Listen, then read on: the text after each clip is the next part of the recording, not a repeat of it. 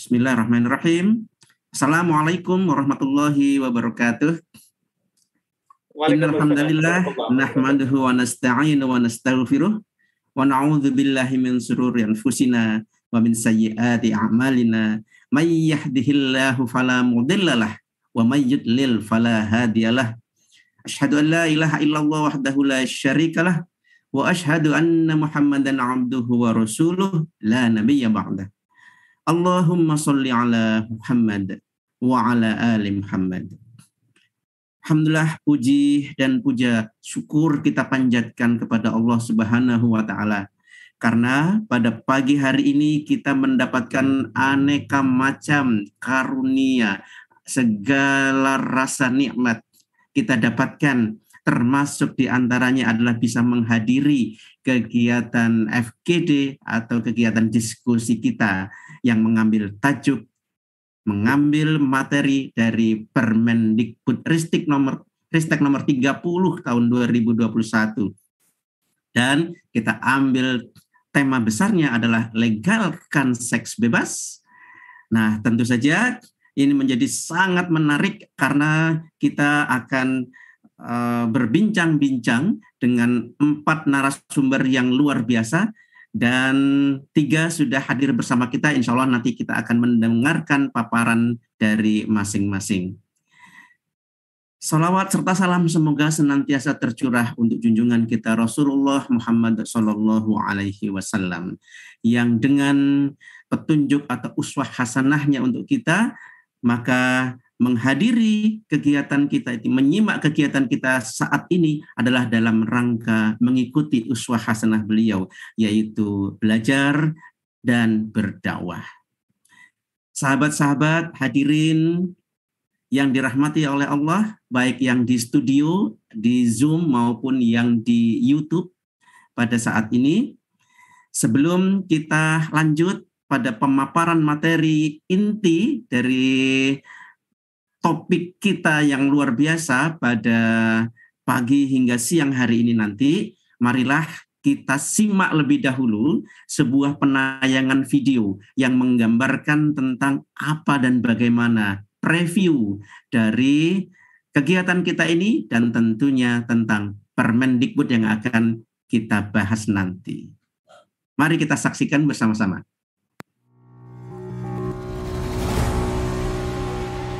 Dengan alasan mencegah kekerasan seksual di lingkungan kampus.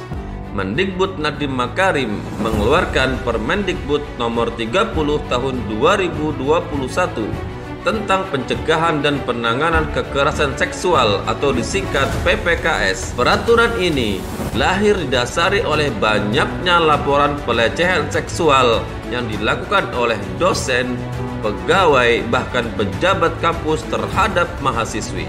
Jadi ini merupakan suatu hal yang harus kita pikirkan secara logika. Kita sebagai pemerintah sudah menyadari bahwa ini adalah gawat darurat situasi. Permendikbud tersebut mendapat dukungan dari sejumlah kalangan, termasuk Menteri Agama Yakut. Namun, Sejumlah pasal dalam peraturan tersebut dinilai banyak kalangan, terutama para tokoh dan ormas Islam seperti MUI Pusat, justru melegalkan seks bebas. Adanya frasa persetujuan korban menjadi pemicu penolakan terhadap peraturan tersebut.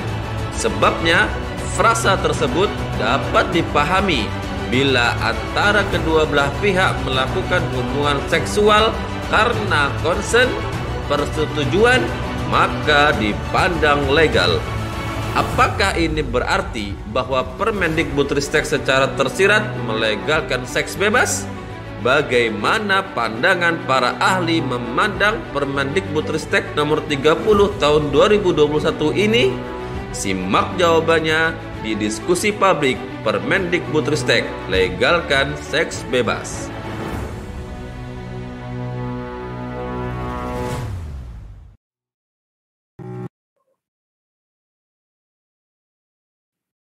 Alhamdulillah luar biasa sekali ya dengan mendengarkan video kurang lebih satu menit barusan kita itu sudah mulai bangkit rasa penasarannya gitu ya. Sebenarnya apa sih yang bikin rame-rame saat ini?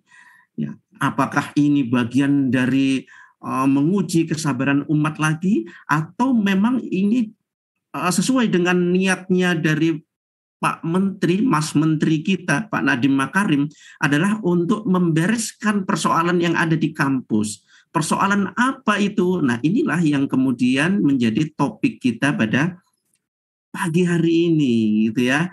Lalu kalau kita lihat ya kalau kita baca sekilas karena kalau membaca dengan lengkap rasanya aduh waktunya perlu panjang gitu ya. 58 pasal yang ada di dalam Permendikbud nomor 30 tahun 2021 ini ada beberapa yang tampaknya kontroversial. Nah, yang tema kontroversialnya yang menjadi garis merah kontroversinya adalah di seksual kontennya. Dari sisi bahasa bagaimana sebenarnya gitu ya, seksual konsen kabarnya kemudian diterjemahkan secara serta merta menjadi persetujuan tam, apa tam, tanpa persetujuan korban.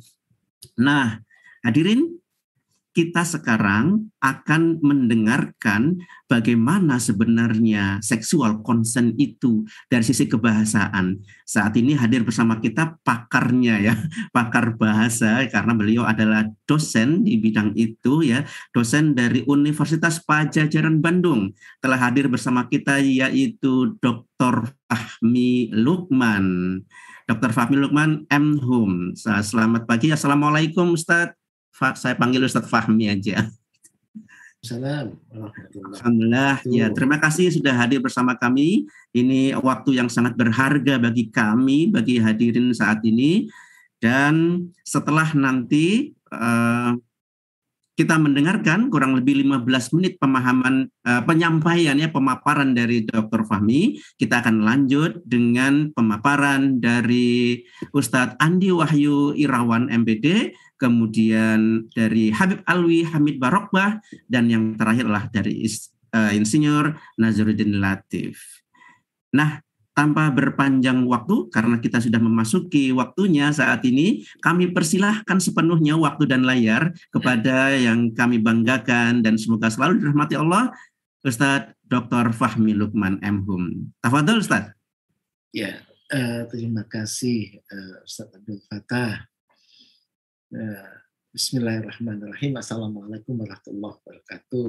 Waalaikumsalam warahmatullahi wabarakatuh. Ya, Alhamdulillah pada pagi hari ini senang sekali berjumpa dengan eh, dan bersilaturahmi ya dengan kawan-kawan yang ada di Kalimantan Timur ya. Eh, saya diundang eh, untuk acara ini terkait kita mendiskusikan tentang Permendikbud Ristek nomor 30 tahun 2021. Cuma uh, tajuknya atau judulnya bombastis banget gitu. legalkan seks bebas. Ah, wah ini uh, judul yang ngeri-ngeri sedap ya. Begitu. Nah, uh, satu hal yang terkait dengan persoalan ini memang Permendikbud nomor 30 2021 ini memicu kontroversi ya. Eh, dan saya kira bahwa aspek itu eh, sebenarnya sudah disampaikan oleh eh, Pak Nadiem ya Mas Menteri dalam konteks ini yaitu sekitar di era bulan Mei 2021 ya pada saat ketika bulan Ramadan itu beliau pernah juga menyampaikan ada tiga dosa besar pendidikan katanya begitu yang pertama ada tentang intoleransi begitu ya. ya kemudian yang kedua tentang masalah uh, bullying gitu ya. Uh, perundungan. Yang ketiga ya tentang persoalan kekerasan seksualitas gitu. Nah, uh, nampaknya ini uh, terkait dengan uh, apa yang disinyalir oleh beliau pada beberapa bulan yang lalu itu kemudian diwujudkan terutama untuk kekerasan seksualitas di dalam uh, peraturan Menteri Pendidikan dan Kebudayaan Ristek uh, Dikti nomor 30 tahun 2021. Nah, uh, tentu saja uh, sebagaimana uh, kita pahami bahwa kalau saya melihat uh, apa yang beliau sampaikan ini tentu saja memiliki dasar ya, uh, tidak serta merta kemudian keluarnya sebuah Permendikbud itu begitu saja, pasti ada dasarnya.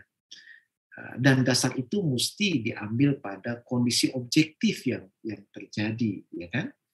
Nah, oleh karena itu tentu uh, saya melihat bahwa maksud dari Mas Menteri kita ini tentu baik ya.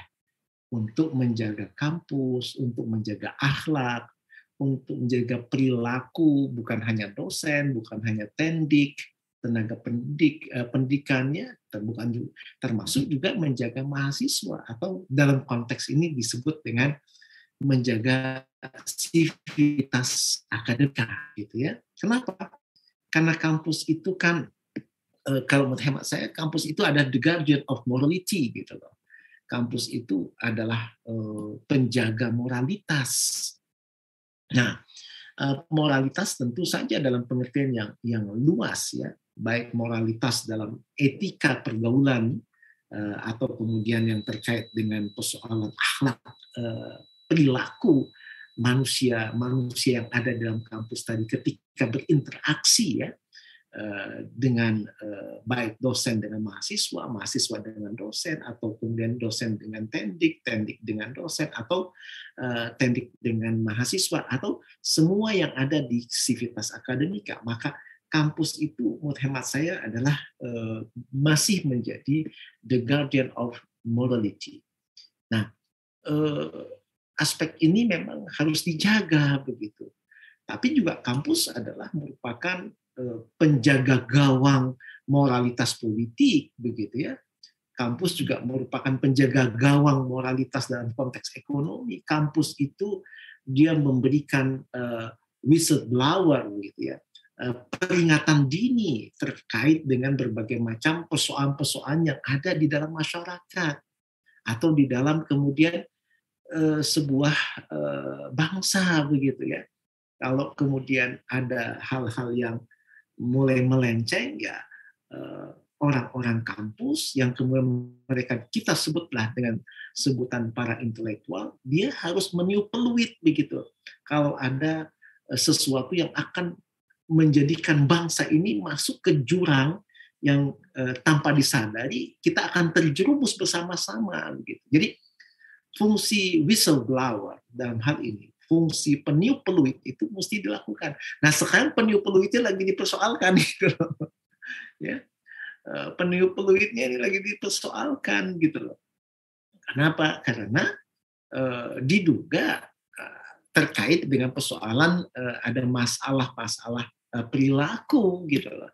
Nah perilaku yang terkait dengan persoalan seksualitas ini kan persoalan sensitif nih, ya kan? Sangat sensitif. Wah, saya banyak ditanya juga tentang persoalan ini. Gimana sih kondisi kampus? Benar nggak dosen-dosen begitu? Waduh, saya bilang saya nggak ngerti.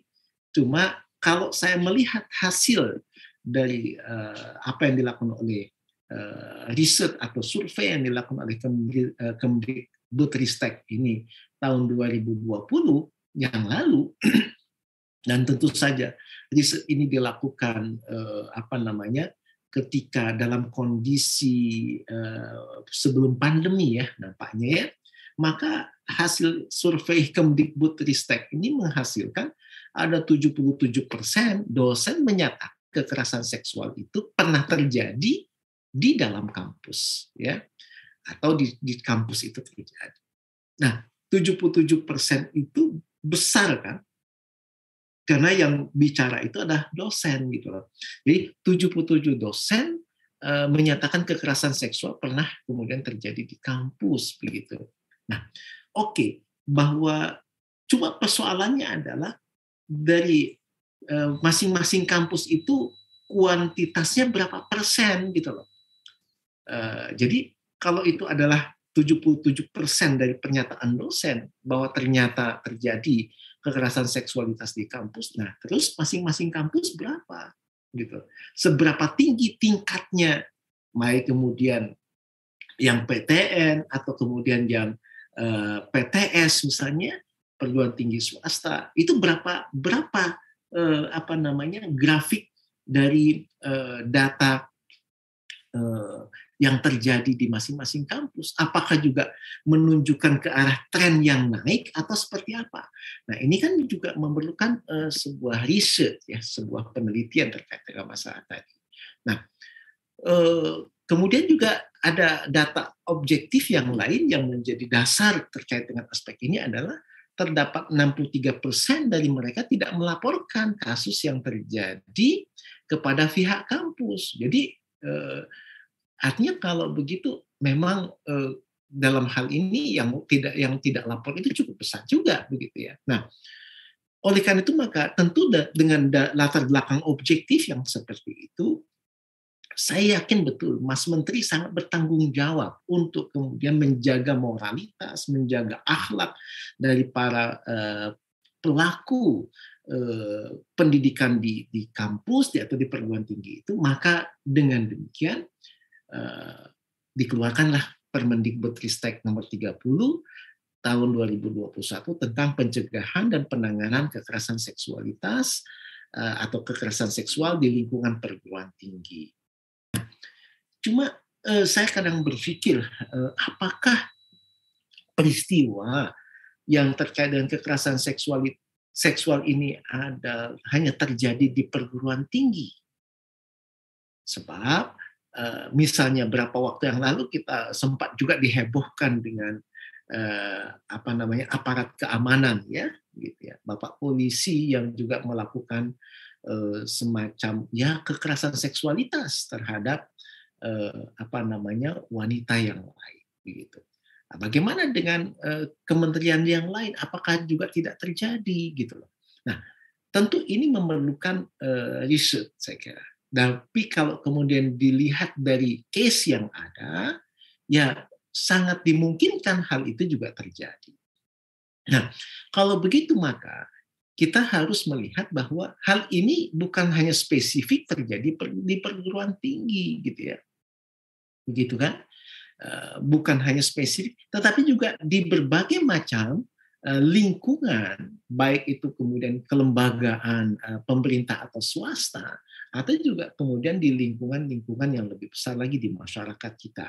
Nah, kalau begitu maka ini yang menurut hemat saya menjadi penting bahwa kalau begitu kasus ini bisa jadi kemudian terjadi di berbagai macam lembaga atau instansi ya dan itu tentu perlu juga untuk penanganan.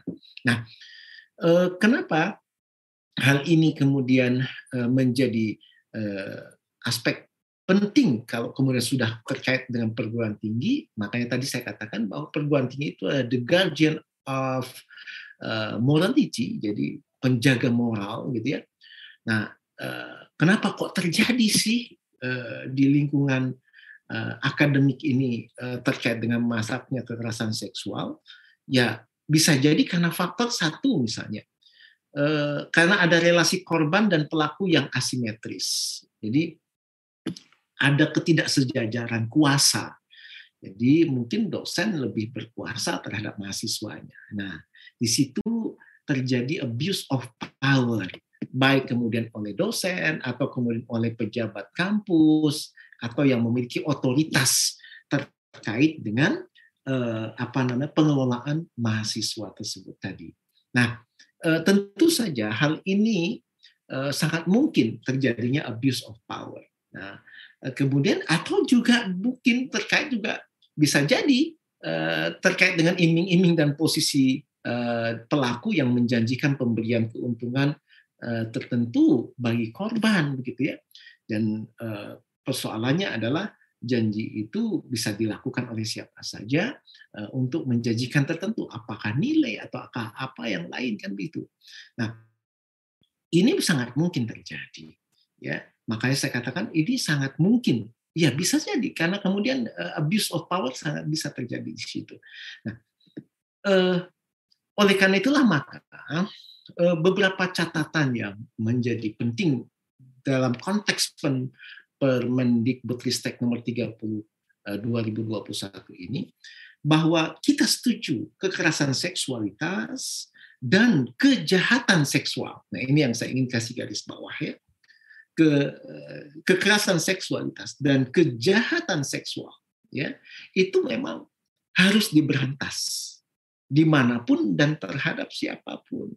Cuma masalahnya adalah eh, kekerasan seksual itu memang intinya adalah sesuatu yang dipaksakan. Artinya bahwa itu sebuah perilaku yang tidak dikehendaki ya. Nah pada titik ini eh, pendapat saya adalah sudah benar bahwa kekerasan seksual itu adalah sesuatu yang tidak dikehendaki ya. Nah eh, artinya apa? Kekerasan seksual itu eh, jelas tidak dikehendaki dan jelas tanpa persetujuan korban. Ya kan? Mana ada kemudian sebuah kekerasan seksual itu kemudian sudahlah tidak dikehendaki kemudian dengan persetujuan? Pasti tanpa persetujuan korban.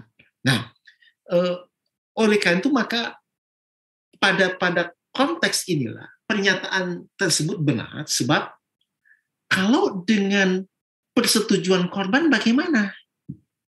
Tentu namanya bukan lagi kekerasan. Ya.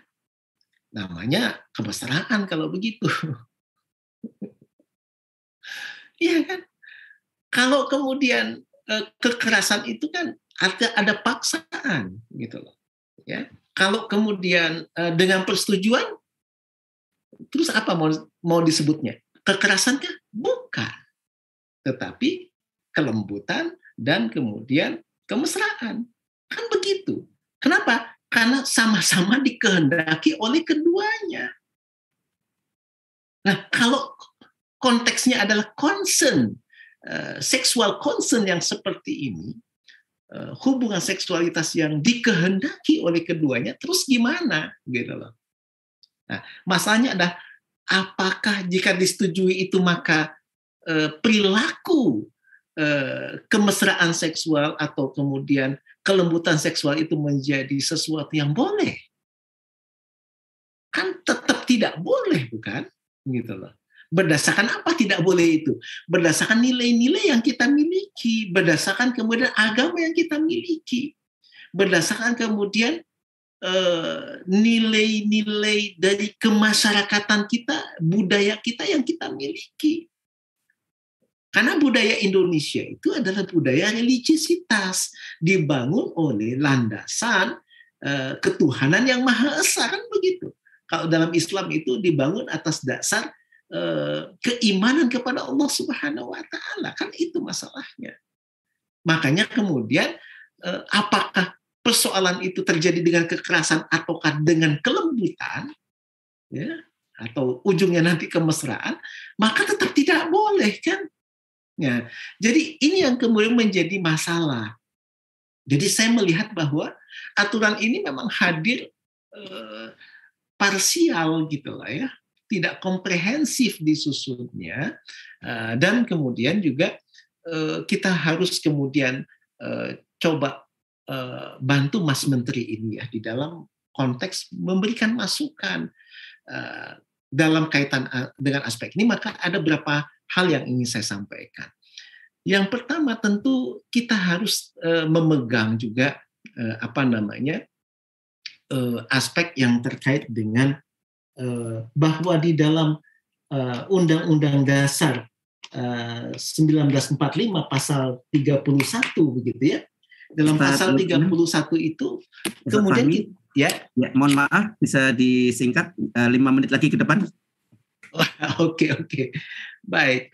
Wah cepat sekali rasanya ya. Rasanya baru dua menit ngomongnya. Baik baik. Dalam pasal 31 Undang-Undang Dasar 1945 itu kita mengacu kepada uh, kondisi objektif yang hari hari ini ada kan itu kan tentang uh, setiap warga negara berhak mendapatkan pendidikan. Itu kan ayat yang pertama ya, ayat satunya. Nah ayat yang ketiganya kan menunjukkan pemerintah mengusahakan dan menyelenggarakan satu sistem pendidikan nasional yang meningkatkan keimanan dan ketakwaan serta akhlak mulia. Karena itu, keimanan, ketakwaan, dan akhlak mulia. Tiga kata kunci itu.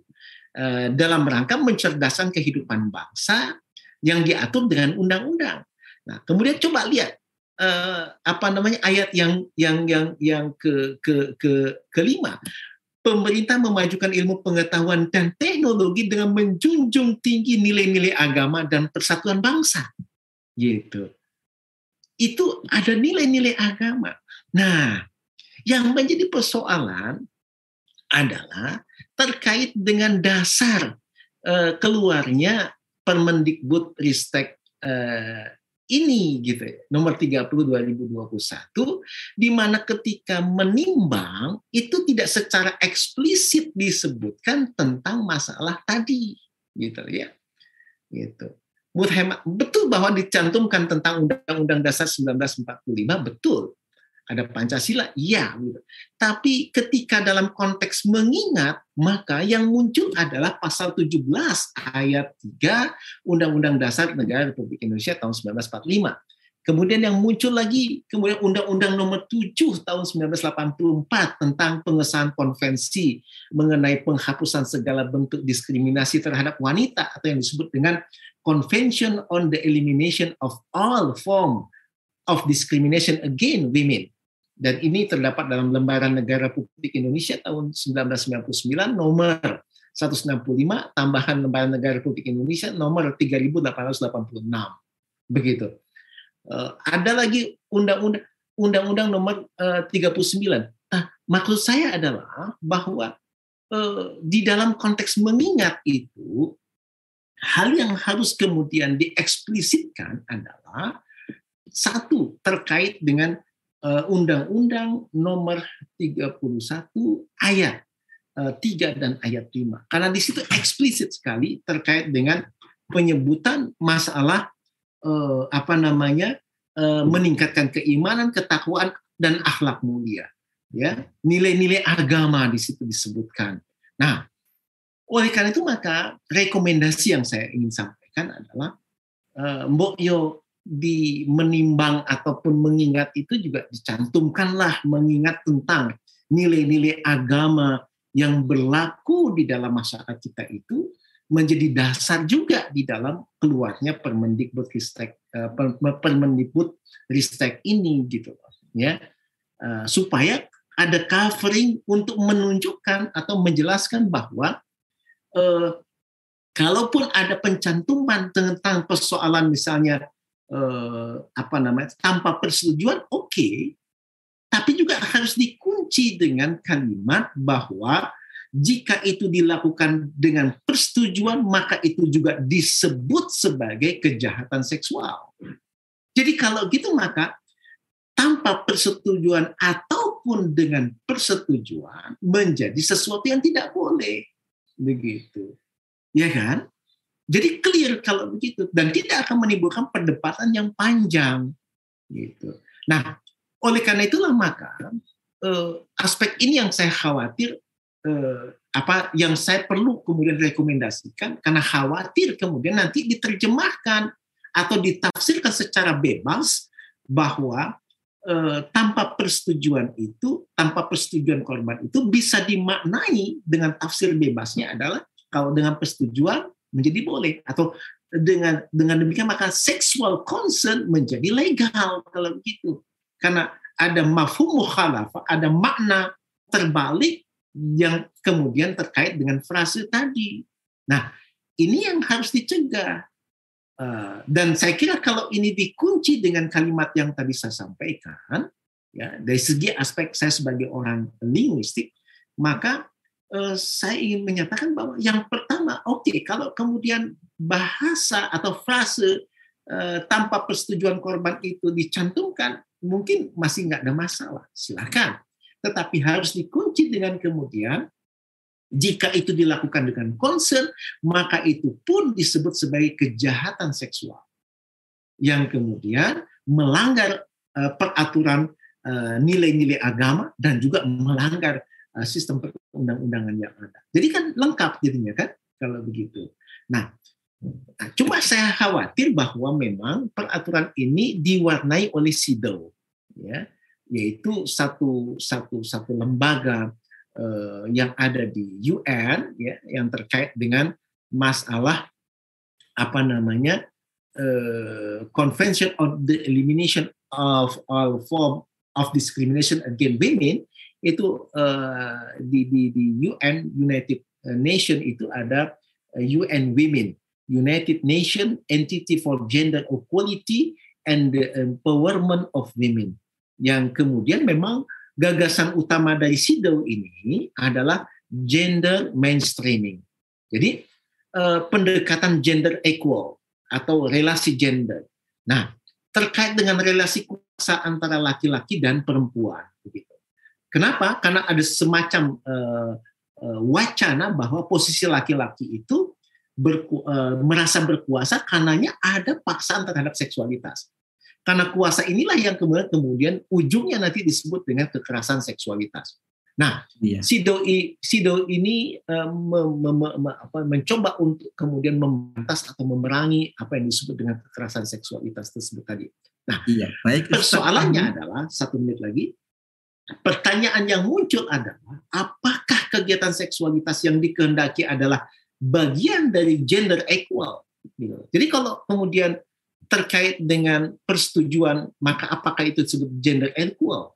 Atau apakah kekerasan seksual itu muncul karena hegemoni gender laki-laki terhadap perempuan? Lalu bagaimana jika kekerasan eh, seksual itu terjadi kekerasan laki-laki terhadap laki-laki lainnya?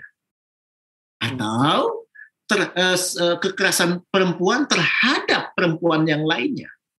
Atau kekerasan perempuan terhadap laki-laki. Apa sebab? Karena di kampus juga terjadi apa yang disebut dengan hombreng dan lesbong.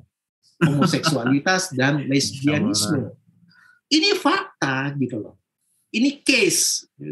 Tidak bisa dijelaskan, tapi ini case. Ada eh, kasus yang terkait dengan masalah.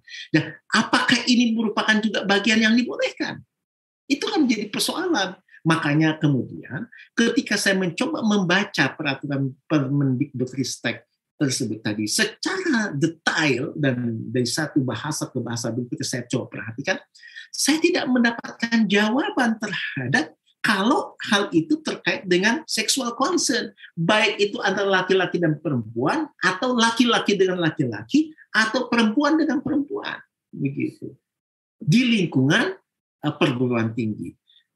Case yang kedua, bagaimana kalau kemudian dengan di sekitar kampus, di tempat kos-kosan? Gitu. Apakah itu masuk wilayah kemudian eh, akademik atau wilayah kampus?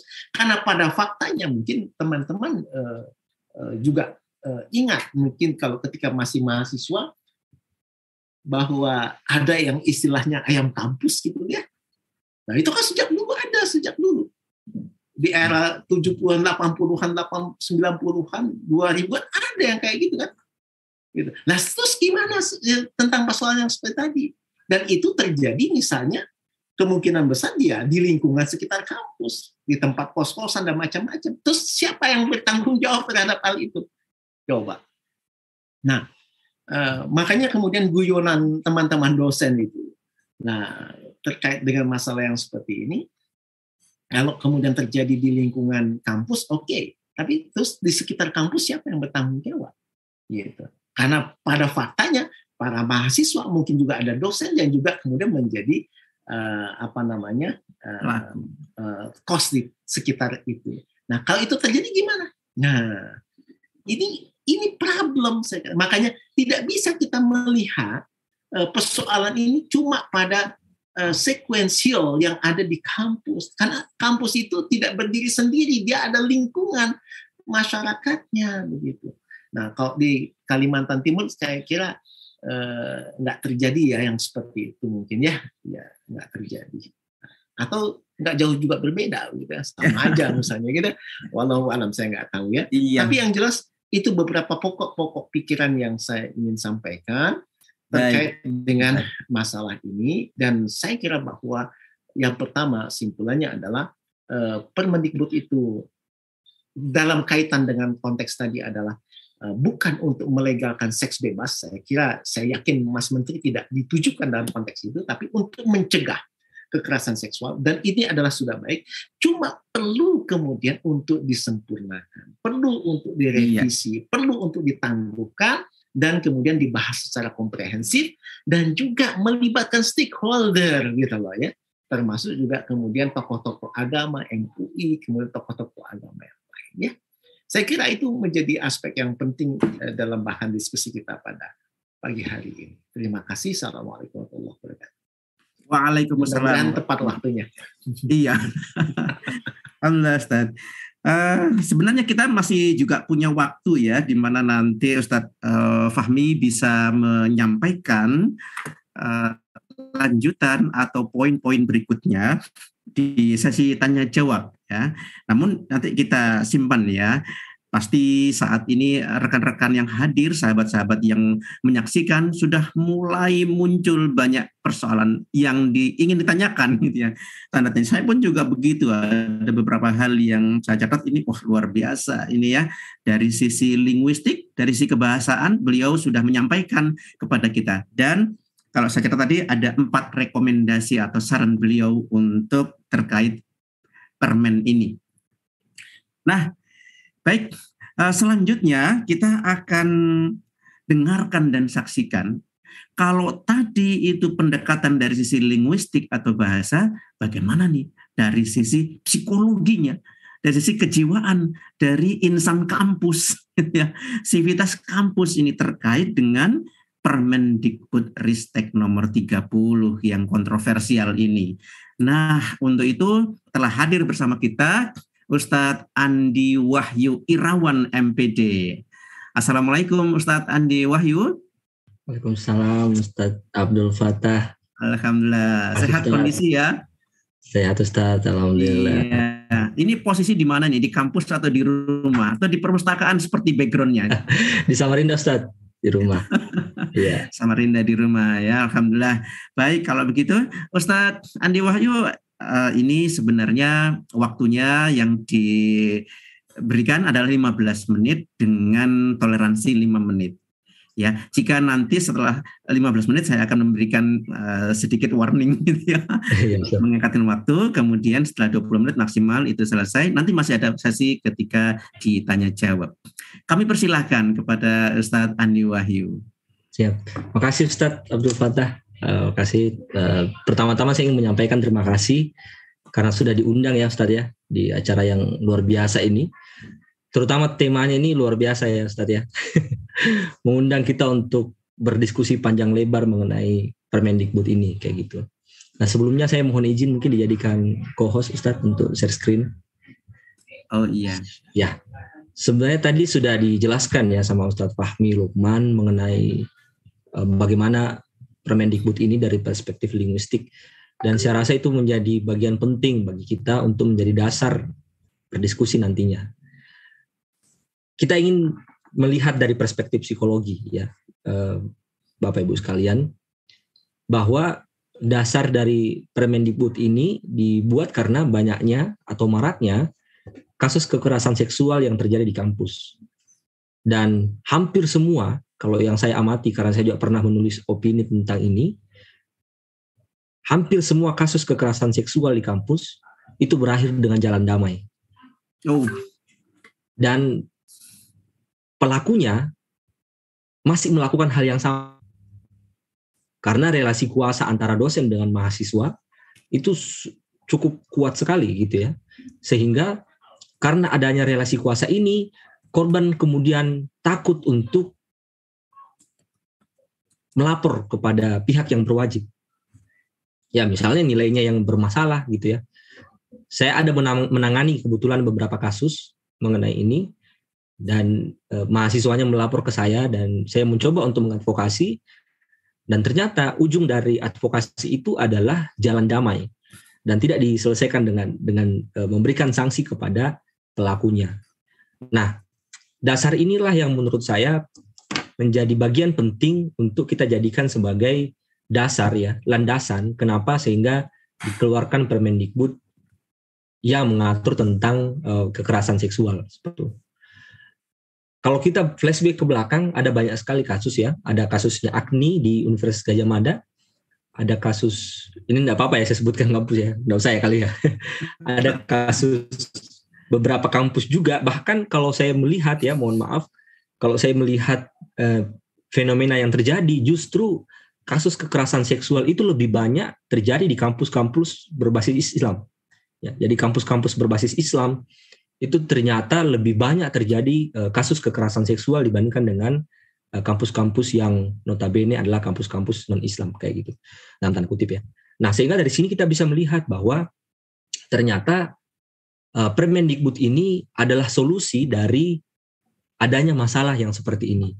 Bahkan tidak hanya di Indonesia, kalau kita melihat, seandainya saya bisa share screen, saya akan memperlihatkan ya, bahwa ternyata di University of Harvard ya, dan University of Berkeley yang menjadi salah satu kampus terbaik di dunia, itu ternyata ada juga dosennya yang melakukan kekerasan seksual. Tapi ternyata itu tidak ditangani. Oh iya, sudah bisa ya? Oh iya. Ya.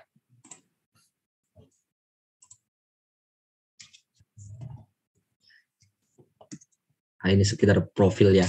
Nah, kalau misalnya kita melihat di Yale University tahun 2016 ada profesor namanya Thomas Pog ya, di mana dia menggunakan relasi kuasanya untuk kemudian melakukan pelecehan seksual kepada mahasiswa-mahasiswa di Yale University. Bahkan di University California of Berkeley ada profesor filsafat ya, namanya John Shirley. Ini dilaporkan mahasiswanya karena melakukan pelecehan seksual. Nah, sampai sekarang kedua orang ini tidak di di apa diberikan sanksi yang tegas oleh kampus di sana kayak gitu. Nah di Indonesia ada riset yang dilakukan oleh uh, Tirto, Jakarta Post dan Vice Indonesia ini menemukan bahwa ternyata ada 174 laporan mengenai pelecehan seksual di 79 kampus di Indonesia.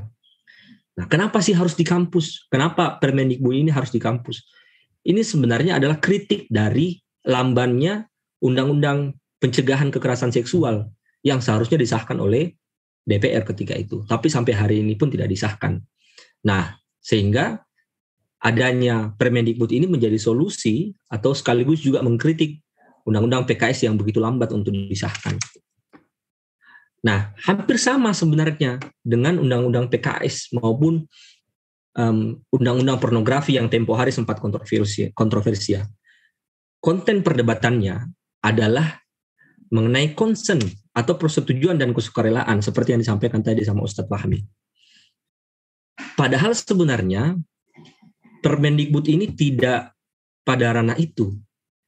Maksudnya adalah tidak pada ranah bagaimana melihat apakah setuju atau tidak, tapi pada ranah bagaimana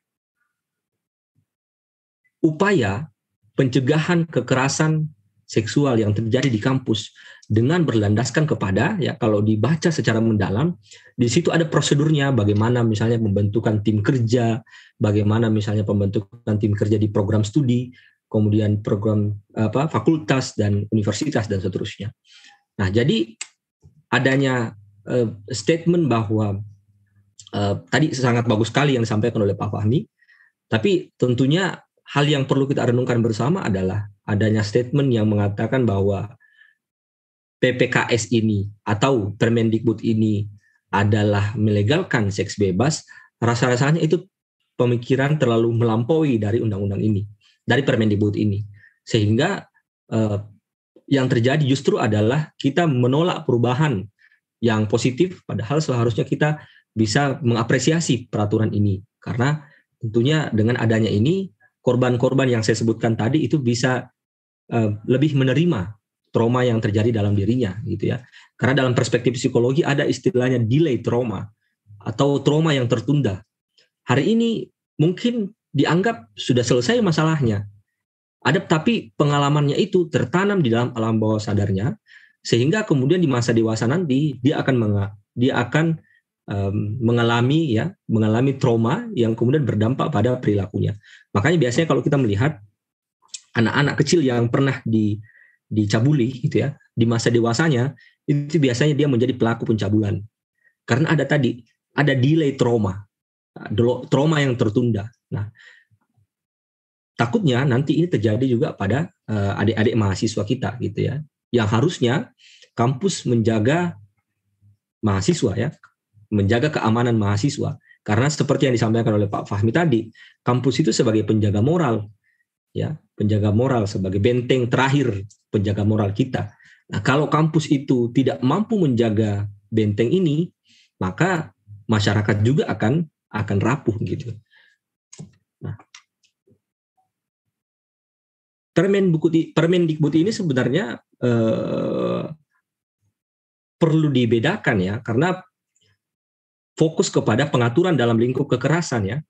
Nah, sehingga statement yang melegalkan perzinahan tadi itu rasanya seperti yang saya katakan tadi melampaui melampaui dari uh, pemikiran yang harusnya yang ada di Permendikbud ini. Nah, pada intinya Permendikbud ini mengatur tentang bagaimana kampus ya melakukan pencegahan terhadap kekerasan seksual. Itu core-nya ya intinya. Pada intinya Permendikbud Ristek ini berupaya untuk mendorong kampus berinisiatif membuat lembaga-lembaga yang nantinya lembaga ini menindaklanjuti atau memberikan sanksi kepada pelaku yang melakukan kekerasan seksual dan juga melindungi korban pelecehan seksual. Kita lihat ada salah satu kampus di Sumatera yang baru-baru tren terjadi ya. Eh, seorang dekan di penjara karena melakukan kekerasan seksual sebelum dia di penjara dia ingin menuntut sama siswa tadi karena dia telah melapor dan me, me, apa, menodai namanya gitu ya. Nah ini kan bisa berbahaya ya. Ini bisa menginspirasi pelaku-pelaku yang lain untuk melaporkan kalau ada mahasiswa yang melapor nanti mengenai kekerasan seksual yang terjadi di kampus. Ini bisa berbahaya. Nah makanya adanya Permendikbud ini memungkinkan tadi proteksi kepada korban dan memberikan sanksi kepada pelaku. Seperti itu. Nah, sebelumnya kalau kita lihat seperti yang saya sampaikan tadi, bahwa sebelum adanya Permendikbud ini, pelecehan seksual itu dipandang sebagai tindakan yang seperti maladministrasi, plagiarisme, dan korupsi. Misalnya ketika ada dosen yang melakukan pelecehan seksual, maka harus ada buktinya. Nah ini bisa susah gitu ya. Nah inilah yang terjadi di kasus Agni di UGM yang ketika itu terjadi kekerasan seksual kepada Agni seorang mahasiswa nama samaran ya seorang mahasiswa dan dia harus memberikan bukti bahwa memang betul terjadi kekerasan seksual. Nah ini bisa berbahaya kalau seperti itu orang tidak mau lapor gitu ya. Nah jika kita memikirkan cara menghukum pelaku di satu sisi juga mungkin korban menjadi selamat namun di sisi lain kita harus memikirkan pendampingan dari korban.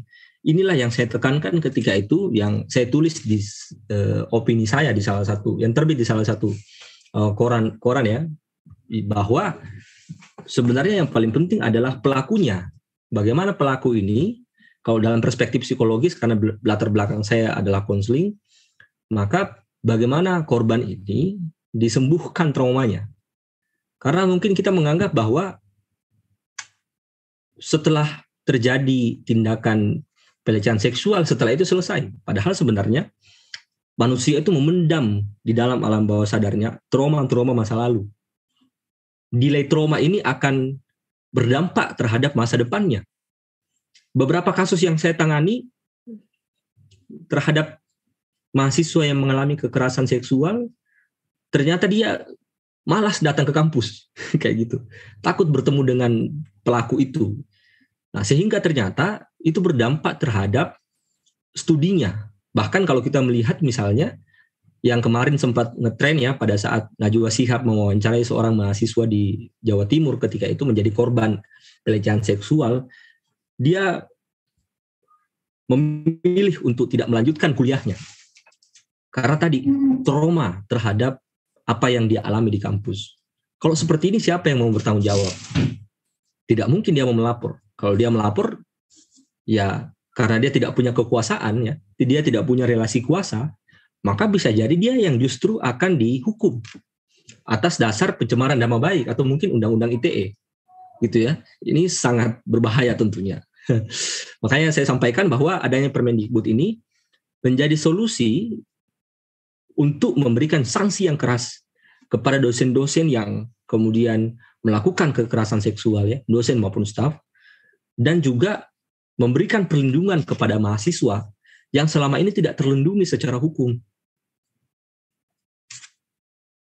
Nah, setelah kemudian adanya Permendikbud ini, batasan kekerasan seksual itu menjadi mulai menjadi jelas. Sebelumnya, kalau mungkin Bapak Ibu sekalian share di internet, definisi kekerasan seksual itu mengalami uh, banyak definisi ya. Sehingga kita sulit untuk mendefinisikan kekerasan seksual ini seperti apa ya. Karena memang tidak ada batasan-batasan mengenai kekerasan seksual.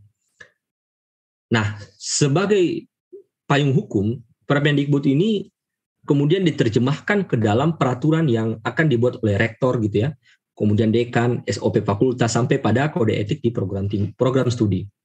Kalau di kampus itu biasanya ada dosen yang bercanda tapi dengan menggunakan konten candaan seksual gitu ya.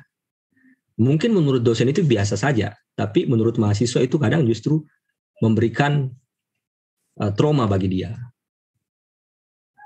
Kasus kekerasan seksual di wilayah kampus ya, korbannya bahkan sampai depresi saat kuliah hingga akhirnya drop out. Seperti yang saya sampaikan tadi, ada kasus di mahasiswa di Jawa Timur yang memilih untuk keluar dari kampus karena dia merasa tidak nyaman.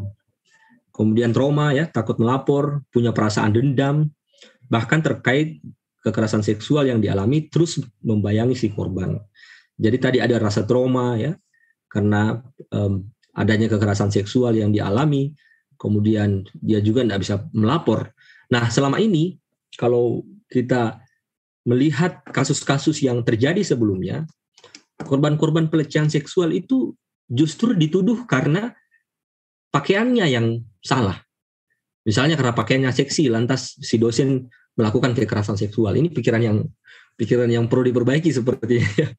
Misalnya karena pakaiannya seksi, lantas uh, orang lain apa namanya orang lain atau dosennya lantas bernafsu untuk memegang bagian yang tidak perlu dipegang oleh dosen itu, misalnya. Bukan pakaiannya sebenarnya, tapi karena memang dosennya yang pikirannya cabul seperti itu ya. Jadi kadang mungkin dalam Islam ya kalau misalnya dalam Islam kita melihat perspektif ini mungkin beda konteksnya ya. Tapi kalau dalam uh, dalam uh, melihat perspektif psikologis ya, bahkan ada salah satu riset yang tempo hari juga dikeluarkan oleh Jakarta Feminis, itu kita melihat bahwa sebenarnya kasus kekerasan seksual yang terjadi itu bukan karena pakaian orang, ya, bukan karena pakaian, tapi karena persoalan si pelaku yang memang cabul. Nah, Coba dibandingkan, ternyata kasus-kasus kekerasan seksual itu hampir sebagian besar justru eh, dialami oleh perempuan-perempuan yang yang memiliki pakaian-pakaian tertutup, gitu ya. Nah, justru pakaian-pakaian yang yang yang mohon maaf ya ini mungkin agak agak kontroversi pernyataan saya, tapi yang saya temukan di lapangan seperti itu. Justru karena eh, bukan persoalan karena pakaiannya ya, tapi karena persoalan laki-laki tadi, karena persoalan pelaku tadi yang yang tentunya harus ditindaklanjuti, dia harus diberikan sanksi dengan tegas. Selama ini di Indonesia itu sanksi kepada pelaku itu tidak tegas, tidak memberikan ketegasan kepada kepada pelaku sehingga dia mengulangi hal yang sama lagi seperti itu. Ya, tentunya ini bagian penting ya untuk kita diskusikan bahwa saya sekali lagi saya ingin menyampaikan bahwa Permendikbud ini tidak dalam rangka untuk melegalkan seksual ya. Apalagi kalau kita memandang kekerasan seksual itu terjadi hanya dasar dari uh, mohon maaf ya, hanya dari pakaiannya. Yang perlu kita tekankan adalah bagaimana ini kata kuncinya ya. Sebelum saya akhiri statement dari saya, bagaimana agar pelaku itu ditindak tegas dan bagaimana agar korban ini dilindungi dan didampingi secara psikologis agar dia tidak mengalami trauma serta bagaimana pencegahan-pencegahan yang seharusnya dilakukan oleh kampus melalui pelaksanaan peraturan yang kemudian diturunkan dengan hmm, aturan rektor, aturan dekan, SOP fakultas maupun kode etik di program studi. Sehingga dengan adanya Permendikbud ini tentunya kita patut apresiasi bahwa ini menjadi solusi atas ketimpangan moral yang selama ini terjadi di kampus. Jangan kita menganggap bahwa atas nama baik kampus lantas kita menyembunyikan kasus-kasus kekerasan seksual. Padahal sebenarnya ada cukup banyak kasus kekerasan seksual yang terjadi di Indonesia itu ditutupi atas dasar nama baik kampus. Padahal sebenarnya ada banyak sekali kasus-kasus yang seperti ini yang harus kita tindak tegas dengan berdasar kepada Permendikbud Ristek yang telah dikeluarkan oleh Menteri Nadiem Makarim. Demikian Ustadz Abdul Fattah. Terima ya. kasih atas kesempatannya. Alhamdulillah. Ya, terima kasih Ustadz Andi Wahyu. Luar biasa sekali ya. Kalau dilihat dari sisi psikologi, justru yang harus diberikan sanksi yang tegas itu adalah pada pelakunya. Ya, namun tentu saja ini menyisakan berbagai macam pertanyaan ya. Di antaranya apakah peraturan menteri nomor 30 yang kita bahas ini sudah membahas sanksi tegas tersebut ya sampai kemudian pada bagaimana agar dosen itu jadi kapok gitu ya. lalu mengubah pola pikirnya atau pikiran kotor tadi. Kemudian yang kedua bagaimana perlindungan terhadap korban yang mengalami kekerasan seksual tersebut, lalu pendampingan psikologinya. Nah, jawaban atas ini uh, nanti kita bahas lagi atau uh, mohon untuk disampaikan di sesi tanya jawab nanti ya Ustadz Andi Wahyu ya. Baik, Sekali lagi terima kasih. Kita sekarang lanjut ya ke sesi yang ketiga. Namun uh, tampaknya Habib Alwi belum bersama kita. Ada informasi?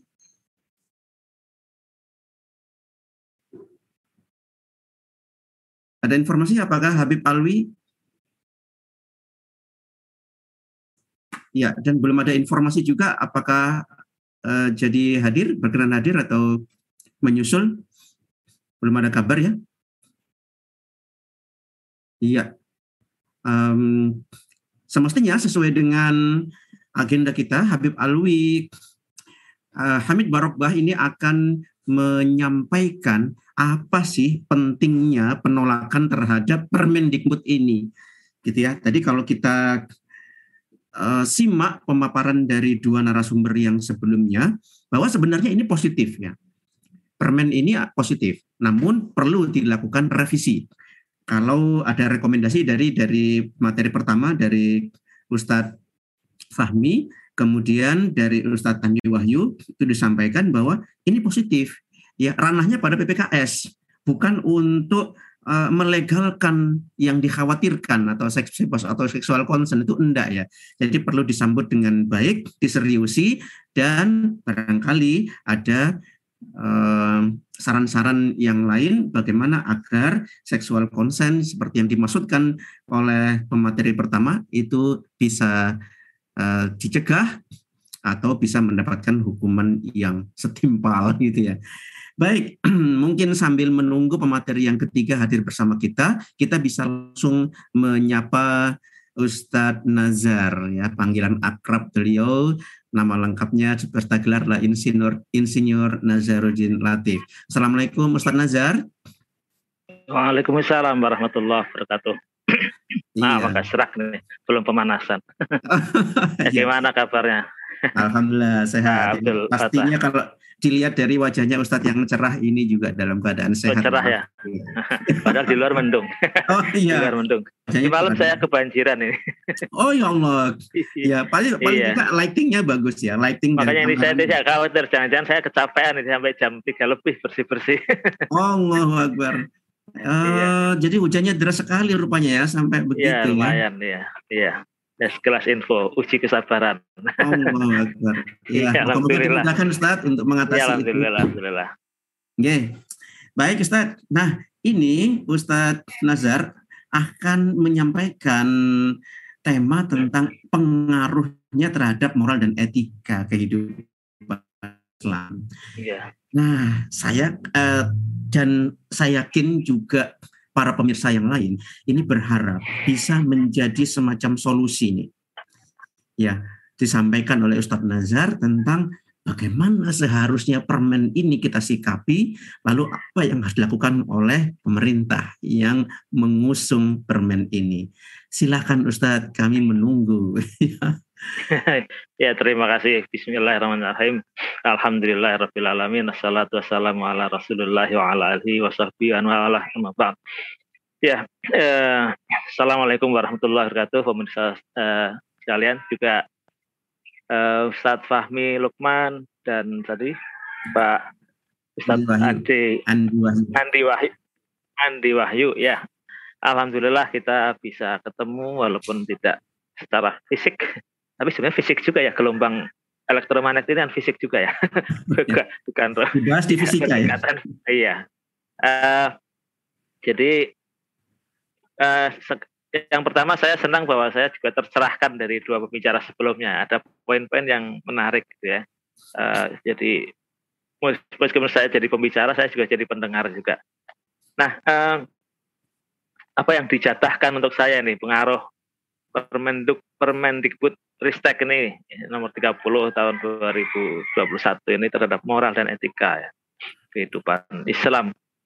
Jadi yang pertama ingin uh, saya garis bawahi dan kita mestinya juga sepakati bahwa uh, namanya etika, moral atau karakter atau apa pun lah sebutannya ya, itu pastilah bukan sebuah kondisi atau sebuah hasil yang dihasilkan oleh satu faktor tunggal ya misalnya hanya Permendikbud ini saja misalnya atau hanya pendidikan saja. Tapi sebuah karakter apalagi karakter sebuah bangsa pastilah merupakan produk dari keseluruhan bagaimana bangsa, bagaimana negara itu mengatur semua hal ya. Entah itu urusan pendidikan itu sendiri, urusan agama, urusan ekonomi, ya, politik dan sebagainya. Ya. Pastilah seperti itu tidak. Jadi manusia bukan satu makhluk yang kemudian bisa di apa ya hmm. dipisahkan dari konteks yang rumit ya justru manusia ini makhluk yang paling rumit ya. sehingga berbagai hal akan mempengaruhinya oleh karena itu eh, dengan dengan apa dengan basis dasar pemikiran ini ketika kita membahas Permendikbud ini eh, kita juga harus uh, mau tidak mau harus menyentuh banyak hal gitu ya. Karena dia tidak berdiri sendiri. Dia produk dari sebuah sistem gitu ya. Dalam hal ini ya sistem pemerintahan ya sistem pemerintahan di mana di dalam sistem pemerintahan demokrasi dalam hal ini atau atau sistem republik begitu memberikan uh, ruang bagi menteri untuk membuat peraturan semacam ini. Nah, uh, kalau kita tarik lebih lebih apa luas lagi, maka ini juga memang ber, berpangkal dari prinsip apa pemerintahan sekarang ini yang diakui atau tidak ya sebenarnya adalah sistem yang sekuler. Dalam makna bahwa eh, peran eh, hukum agama gitu ya dalam hal ini Islam di negeri kita itu memang dibatasi pada eh, ruang-ruang uh, privat. Dalam pengertian urusan-urusan ritual ya.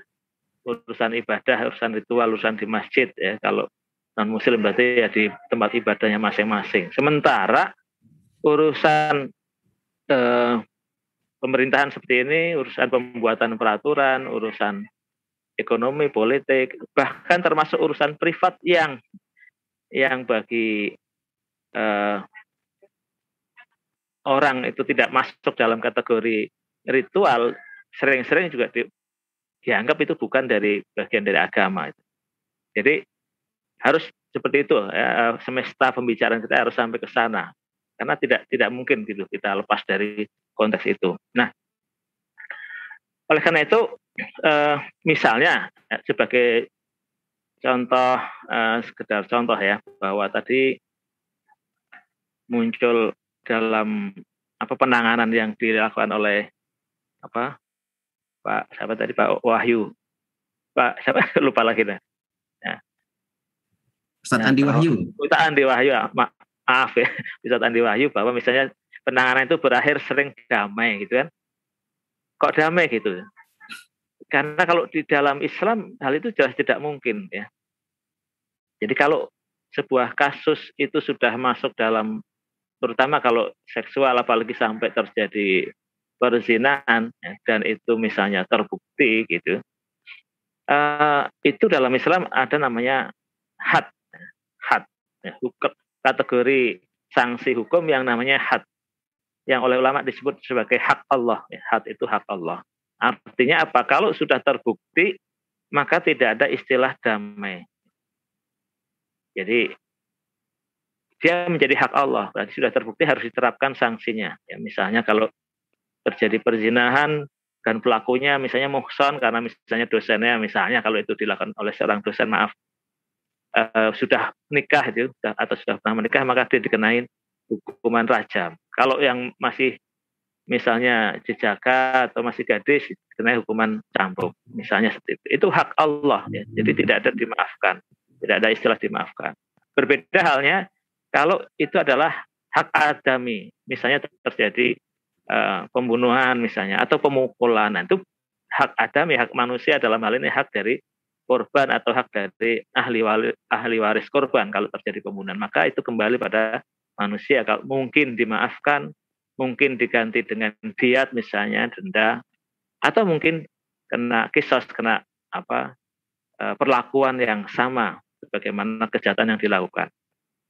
Jadi, nah dua dua terminologi itu baik itu hak adami atau hak ya, terutama hak atau hak Allah itu tidak ada di dalam uh, apa konteks hukum sekuler saat ini kan gitu. Nah, oleh karena itu ketika kemudian di dalam Permendikbud itu muncul frase apa itu? Saya catatkan ada frase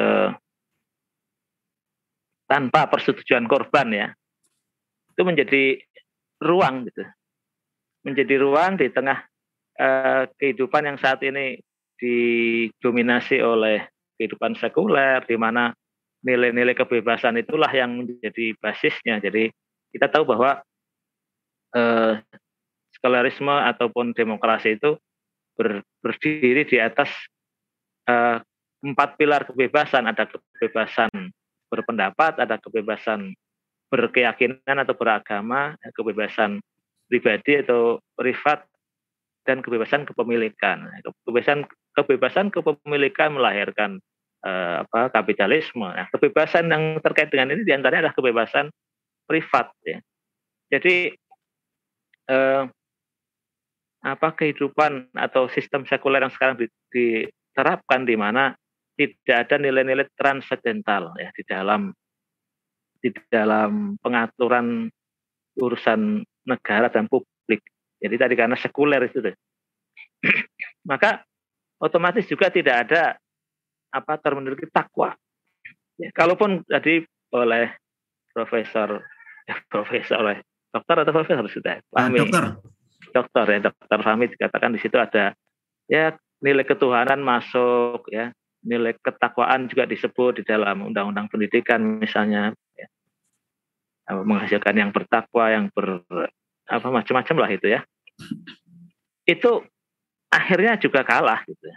nilai-nilai yang terkesan bagus itu terdengar bagus itu kalah oleh eh, nilai-nilai sekuler tetap pada akhirnya seperti itu. Sehingga apalagi kalau sudah ketemu di mana eh, sistemnya lebih didominasi oleh apa kapitalisme kepentingan eh, pemodal di sini menjadi paling dominan ya. Semua itu jadi kalah. Ya. Eh, itu yang pertama. Jadi akibat dari sekuler itu tidak ada terminologi takwa ya di dalam pengaturan eh, kehidupan masyarakat, apalagi kehidupan ya, bernegara yang tadi saya katakan pasti akan mempengaruhi karakter. Yang kedua, ya, eh, masyarakat itu didominasi oleh apa yang disebut dengan anania, egoisme. Ya. Aku aku, ya, lu lu gue gue. Ya. Orang tidak mau tahu urusan orang lain. Orang juga tidak mau dicampuri urusannya oleh orang lain. Ya. Jadi ini menjadi belakangan ini menjadi jargon yang penting, apalagi dengan apa juga adanya konsep HAM ya hak asasi manusia ini juga menambah ini ya, menambah dalam ya nilai-nilai kebebasan seperti ini yang akhirnya melahirkan eh, tadi sebuah masyarakat yang satu sama lain tidak peduli.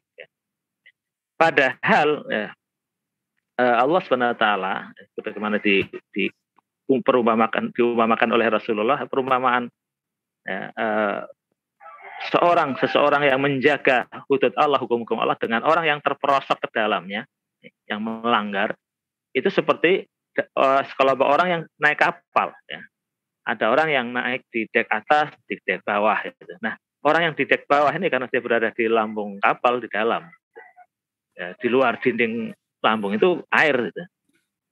dia kalau mau ambil air harus ke atas dulu melewati orang di atas kan begitu Terus begitu setiap kali perlu air dia harus keluar dulu. Maka kemudian kalau terlintas ada yang terlintas di dalam kalau kita lubangi saja yang tempat dekat kita ini kan di, di luar itu kalau ini kapal dinding kapal ini luarnya ini air nih kita lubangi aja kita nggak nggak ganggu orang. Kalau perlu air tinggal ngambil dari bocoran nah bayangkan kalau itu dibiarin ya. Maka tenggelamlah dia. Dan yang tenggelam bukan dia juga bukan hanya pelaku melubang tapi semuanya tenggelam kan begitu. Tapi kalau dicegah maka akan tercegah semua kan begitu. Nah, eh, konsep ini tidak ada di dalam sistem sekuler sekarang, tidak ada. Jadi orang dianggap campur, mencampuri urusan orang lain, walaupun misalnya sekedar menyampaikan nasihat.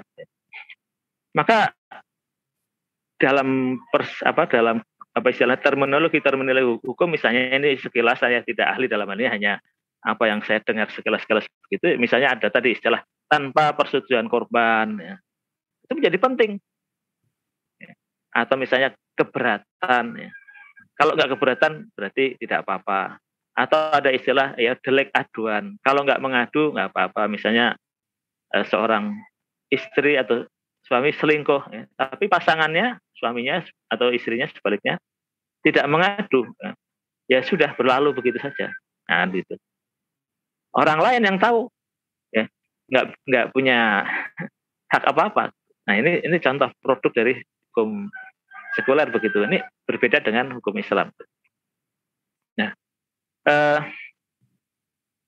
akhirnya memang betul bahwa tadi zina memang tidak dilegalkan ya dan saya yakin juga memang menteri menteri pendidikan tidak bermaksud melegalkan zina atau seks bebas tapi akhirnya sangat bisa ya di manfaatkan ya. Apa tadi uh, frase tanpa persetujuan korban itu akan sangat mudah dimanfaatkan. Sehingga kalau terjadi ya penyimpangan seksual ya. Makanya harusnya peraturan atau ya peraturan pendidikan itu apa peraturan menteri itu yang dibuat adalah untuk mengatasi mencegah dan mengatasi penyimpangan seksual itu. Bukan cuma kekerasan seksual harusnya nah akhirnya muncul tadi ya kalau sudah frasenya begitu bisa muncul jalan damai. Bahkan bisa dikapitalisasi ya. dikapitalisasi ya. Tadi uh, uh, Ustadz Fahmi Lokman tadi menyebut ayam kampus. Nah itu kan sebenarnya bentuk kapitalisasi juga itu. Daripada anulah istilahnya rupiah misalnya ini ini apa ngomong jeleknya itu. Uh, sekalian melancarkan proses bikin skripsi misalnya. Kan bisa terjadi begitu dan mungkin saja itu terjadi dalam kenyataan ya. Cuma tentu karena kalau sudah istilah suka sama suka, ya, rela sama rela, ya kita juga nggak akan tahu, nggak tahu faktanya, akan menemukan bukti itu. Tapi itu mungkin gitu ya, sangat mungkin. Ya makanya tadi kembali bahwa kalau kembali pada uh, Islam, pengaturan Islam, hal itu tidak tidak mungkin. Ya, jadi tidak ada istilah jalan damai tadi kalau di dalam uh, Islam ya. Nah, kemudian dalam masih dalam sistem sekarang adalah bahwa penerapan hukum oleh negara itu uh, kita harus tahu bahwa hukum termasuk tadi ya sudah sama saya singgung bahwa uh, Permendikbud atau peraturan mana pun lah atau perundang-undangan semua itu adalah produk legislatif dan turunannya ya, yang menjadi representasi kebebasan uh, manusia dalam mengatur dirinya sendiri ya. Jadi kan gitu. Sekularisme kan menganggap manusia bebas dalam artian tidak boleh ada campur tangan pihak lain ya. Pihak lain itu sebenarnya yang dimaksud adalah Tuhan gitu. Di luar manusia berarti Tuhan untuk mengatur uh, wujudnya adalah kalau aturan Tuhan berarti kan aturan agama, kalau Islam berarti ya hukum Islam syariat. Nah, peraturan dalam sistem sekuler itu kan manifestasi dari kebebasan. Ya, termasuk kaitannya kebebasan kepemilikan dan kebebasan perilaku individu. Nah, eh, yang penting sekali adalah bahwa eh, dan ini faktanya banyak ya. Sekulerisme termasuk di dalamnya kapitalisme itu menjadikan ekonomi itu sebagai raja. Ya, seolah-olah menjadi kepentingan yang paling tinggi, paling besar, paling utama. Ya. Jadi akhirnya apa? Eh, akhirnya apa pun sering kalah ya, demi apa demi ekonomi. Ya. Urusan moral. Jadi sering kalah dengan ekonomi. Urusan lingkungan sering kalah dengan kepentingan ekonomi. Bahkan urusan pertahanan dan keamanan negara bisa kalah dengan uh, kepentingan ekonomi. Bagaimana misalnya uh, satelit Indosat kalau salah kan dijual pada zaman Presiden Megawati kalau saya tidak salah. Atau banyak BUMN yang sebenarnya sangat strategis terus dijual di privatisasi. Itu contoh real itu. Ya. Lingkungan misalnya ya, pembalakan hutan, ya, deforestasi yang demikian masif ya. Atau bahkan masif pembangunan apa eh, perkebunan sawit sehingga apa keragaman hayati menjadi sangat turun gitu. Ini juga lagi-lagi ekonomi. Dan sayangnya kalau bicara ekonomi, yang paling pertama dan utama diuntungkan adalah para pemilik modal besar. Maaf sedikit nyimpang nih ya. Tapi saya ingin menunjukkan bahwa eh, termasuk di dalam persoalan moralitas itu juga begitu. Ya. Atau dalam eh, menjaga nilai-nilai akhlak masyarakat pun akhirnya kalah dengan ekonomi. Misalnya kita saksikan bagaimana misalnya iklan-iklan yang eh, cenderung bermuatan eh, porno kalau dalam eh, apa persepsi perspektif Islam ya, dalam ukuran Islam. Atau film-film atau ya macam-macam lah sekarang kalau produk-produk di apa di channel-channel YouTube misalnya dan semacamnya. Ya, jadi oleh karena itu eh, saya sudah masih berapa menit ini? Ya sudah kelewat satu menit, Ustaz. Oh ya betul. Jadi oleh karena itu saya ingin merekomendasikan lah tadi kan apa yang disampaikan oleh uh, Dr. Fahmi tadi kan mengatakan ada nilai ketuhanan, nilai agama, nilai apa lagi apa ketakwaan itu kan ada disebut semua di dalam berbagai peraturan termasuk eh, undang-undang pendidikan ya. Tapi negara akhirnya kalah tadi. Ya, kalah mengalahkan semua nilai itu ya, dalam minimal dalam praktek ya, ya tulisannya masih ada, tulisannya masih ada. Tapi dalam prakteknya kalah oleh apa yang namanya HAM, apa yang namanya kebebasan, apa namanya kepentingan ekonomi. Ya. Agama akhirnya dalam apa eh, apa istilahnya opini-opini publik selalu kemudian itu kan privat, agama itu privat. Eh, negara nggak boleh ngurusin apalagi itu. Negara nggak perlu ngurusin urusan selangkangan anak gitu kan kalau di di medsos itu kan sampai bahasanya sampai begitu ya. Nah, jadi pada akhirnya intinya adalah akhirnya nilai-nilai barat sekuler itulah yang dominan di negeri kita ini. Itulah faktanya karena memang itu menunjukkan juga bahwa kita ini ya secara ideologis ya terjajah ya. Jadi kalau sudah begitu um, kalau mau pakai jargon-jargon misalnya apa Pancasilanya di mana misalnya gitu. Kan susah gitu. Nah jadi oleh karena itu sebagai rekomendasi bahwa sudah saatnya kita itu jujur gitu jujur bahwa berbagai persoalan di negeri kita ini ya sudah apa istilahnya tidak mampu lagi ditangani dengan sistem yang ada. Sistem yang apa sekarang eksis yang sedang berkuasa atau sedang diterapkan. Tidak mampu. Ya. tidak mampu. Ya.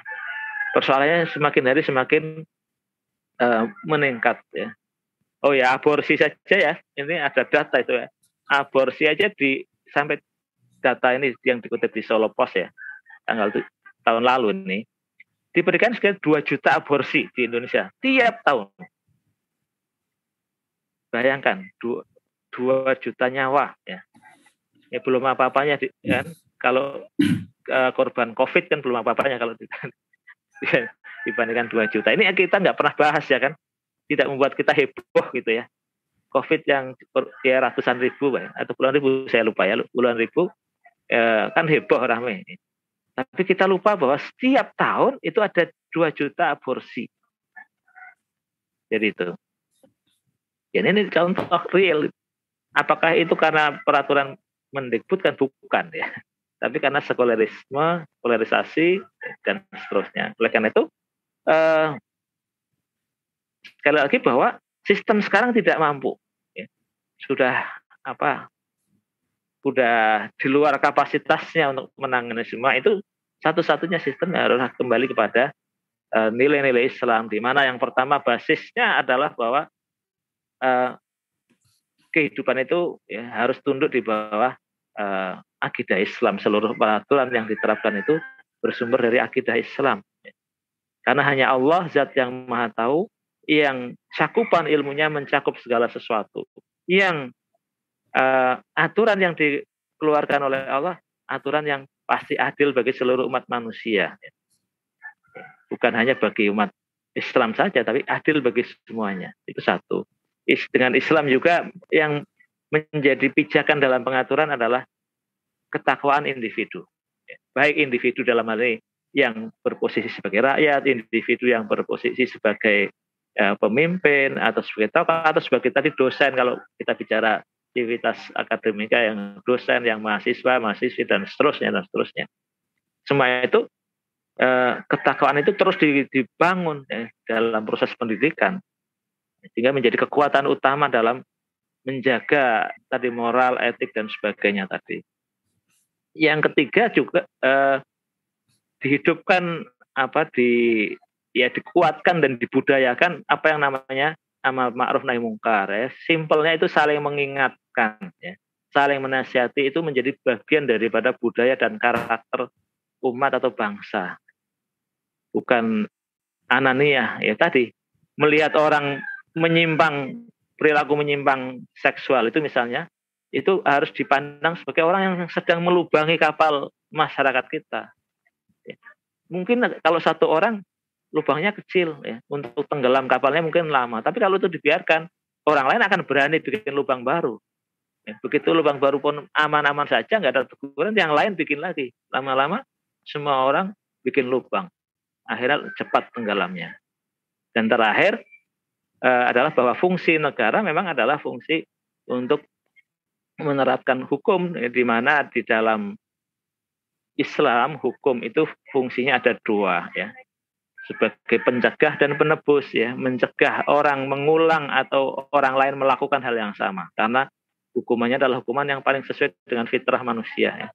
Hukuman apa sekuler atau hukum positif sekarang itu kan sering tidak ada efek jerah tadi ya kalau diungkapkan oleh Pak Andi Wahyu tadi kan sering tidak jerah bahkan tadi karena damai ya sudah mengulang lagi melakukan lagi itu satu ya. kalau hukum Islam misalnya orang dicambuk ya, maka jerah kalau dicambuk di depan umum ya kemudian apalagi dirajam ya satu orang dirajam memang ya kalau dalam persepsi fisiologis manusia ngeri betul kejam ya memang betul ya tapi ini hukum Allah. Hukum Allah itu bukan sebuah pilihan, tapi kewajiban. Dan efeknya satu memang satu yang dirajam, yang lain ngeri untuk melakukan hal yang sama. Jadi efektif sekali. Juga yang lebih penting lagi, hukum Islam itu punya fungsi untuk menebus, ya, menebus dosa pelakunya. Orang yang dikenai sanksi hukum Islam ya, oleh negara, maka eh, tentu lewat proses pengadilan ya, lewat proses pembuktian ya. Maka ketika sudah diterapkan hukum, maka dosa di akhiratnya untuk untuk dosa itu, ya, dia sudah bebas. Ya.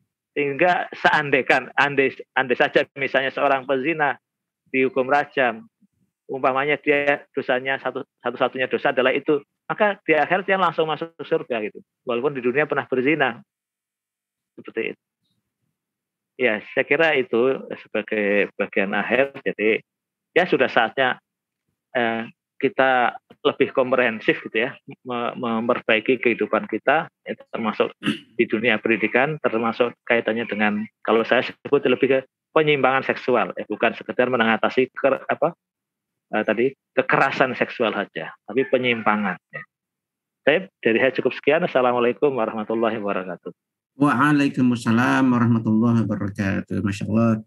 Ya luar biasa sekali. Ini semacam garis bawah yang merahnya tebal sekali gitu ya. Rekomendasi yang disampaikan oleh Ustadz Nazar itu ya menebalkan semua poin-poin yang disampaikan oleh dua pemateri sebelumnya sekaligus memberikan solusi. Ya, rekomendasinya seperti itu.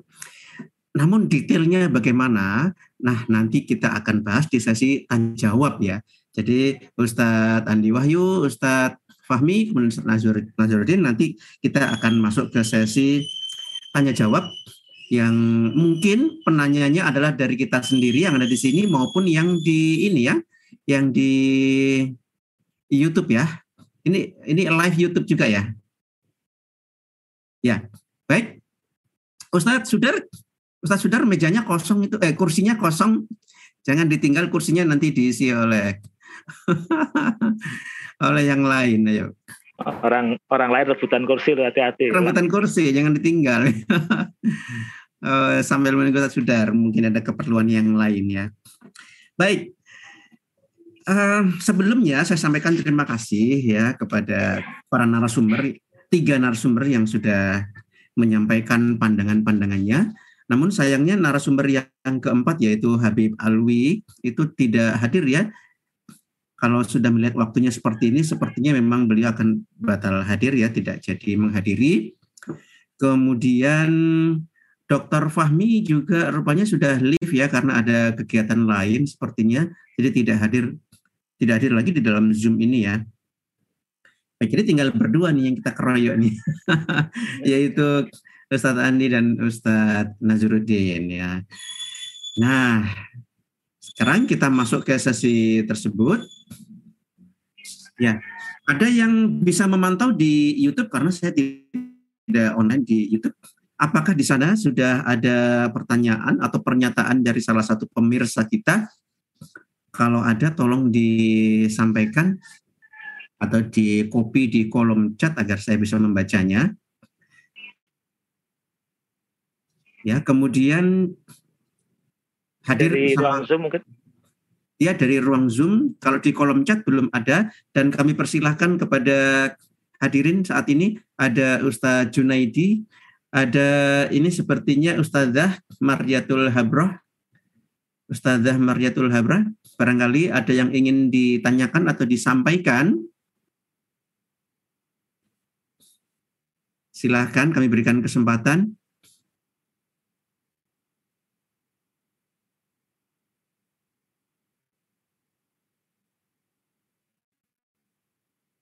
Ya, saat ini jam 11 lewat 2 ya. Jika memang belum ada pertanyaan, maka kita bisa masuk ke sesi yang terakhir, yaitu ada penyampaian hal-hal kunci yang akan disampaikan oleh Ustadz Sudaryanto. Namun sebelumnya, saya lah yang akan bertanya gitu ya. Ya Ustadz Sudar ya, sabar dulu ya. gitu. Nah, saya ingin bertanya kepada Ustadz Andi ini ya, Ustadz Andi Wahyu nih. Tadi sebelumnya Dr. Fahmi menyampaikan bahwa justru dengan keberadaan Permendikbud Ristek nomor 30 2021 ini malah mendorong timbulnya ekses negatif atau hal-hal negatif. Yang pertama adalah malah mendorong terjadinya zina. Oh iya ya, biasanya sebelumnya nggak ada apa pun, nggak ada rasa apa pun gitu ya. Eh ternyata ada Permendikbud begini. Oh yang nggak boleh ternyata kalau terjadinya kekerasan atau tanpa persetujuan. Oh saya anu kok oke-oke aja, setuju-setuju aja gitu ya. Jadi kemudian akhirnya justru mendorong. Nah ini bagaimana tinjauan psikologinya. Lalu yang kedua adalah bisa menurunkan image dari perguruan tinggi Wah, ternyata sekarang masyarakat jadi tahu bobroknya dalam tanda kutip kampus atau universitas atau pendidikan tinggi sehingga kemudian harus capek-capek menterinya mengeluarkan Permendikbud seperti ini. Nah, dua hal itu yang kita anggap sebagai uh, side impact atau ekses negatifnya. Ini bagaimana pendapat dari Ustadz Andi Wahyu ini? Baik, Makasih Ustaz Abdul atas pertanyaannya. Ya, uh, sebenarnya sebagai seorang akademisi saya akan memandangin dari perspektif teoritik mungkin ya, Pak Abdul ya. Ada salah satu tokoh di psikologi namanya Eric Fromm. Dia memandang bahwa tokoh psikologi, tokoh sosiologi juga ya. Eric Fromm memandang bahwa masyarakat yang sebaik-baiknya adalah masyarakat yang hidup didasari atas cinta dan terlepas pada hal yang sifat materi. Jadi menurut Eric Fromm, masyarakat yang sakit itu adalah masyarakat yang ketika selalu tergantung pada materi, kayak gitu. Memanfaatkan sesuatu atas dasar materi. Nah, atas dasar ini saya ingin mengatakan bahwa ketika kita ingin memperkuat civil society kita atau masyarakat kita atau dalam hal ini remaja kita, harus ada variabel kontrol mungkin dalam riset ya.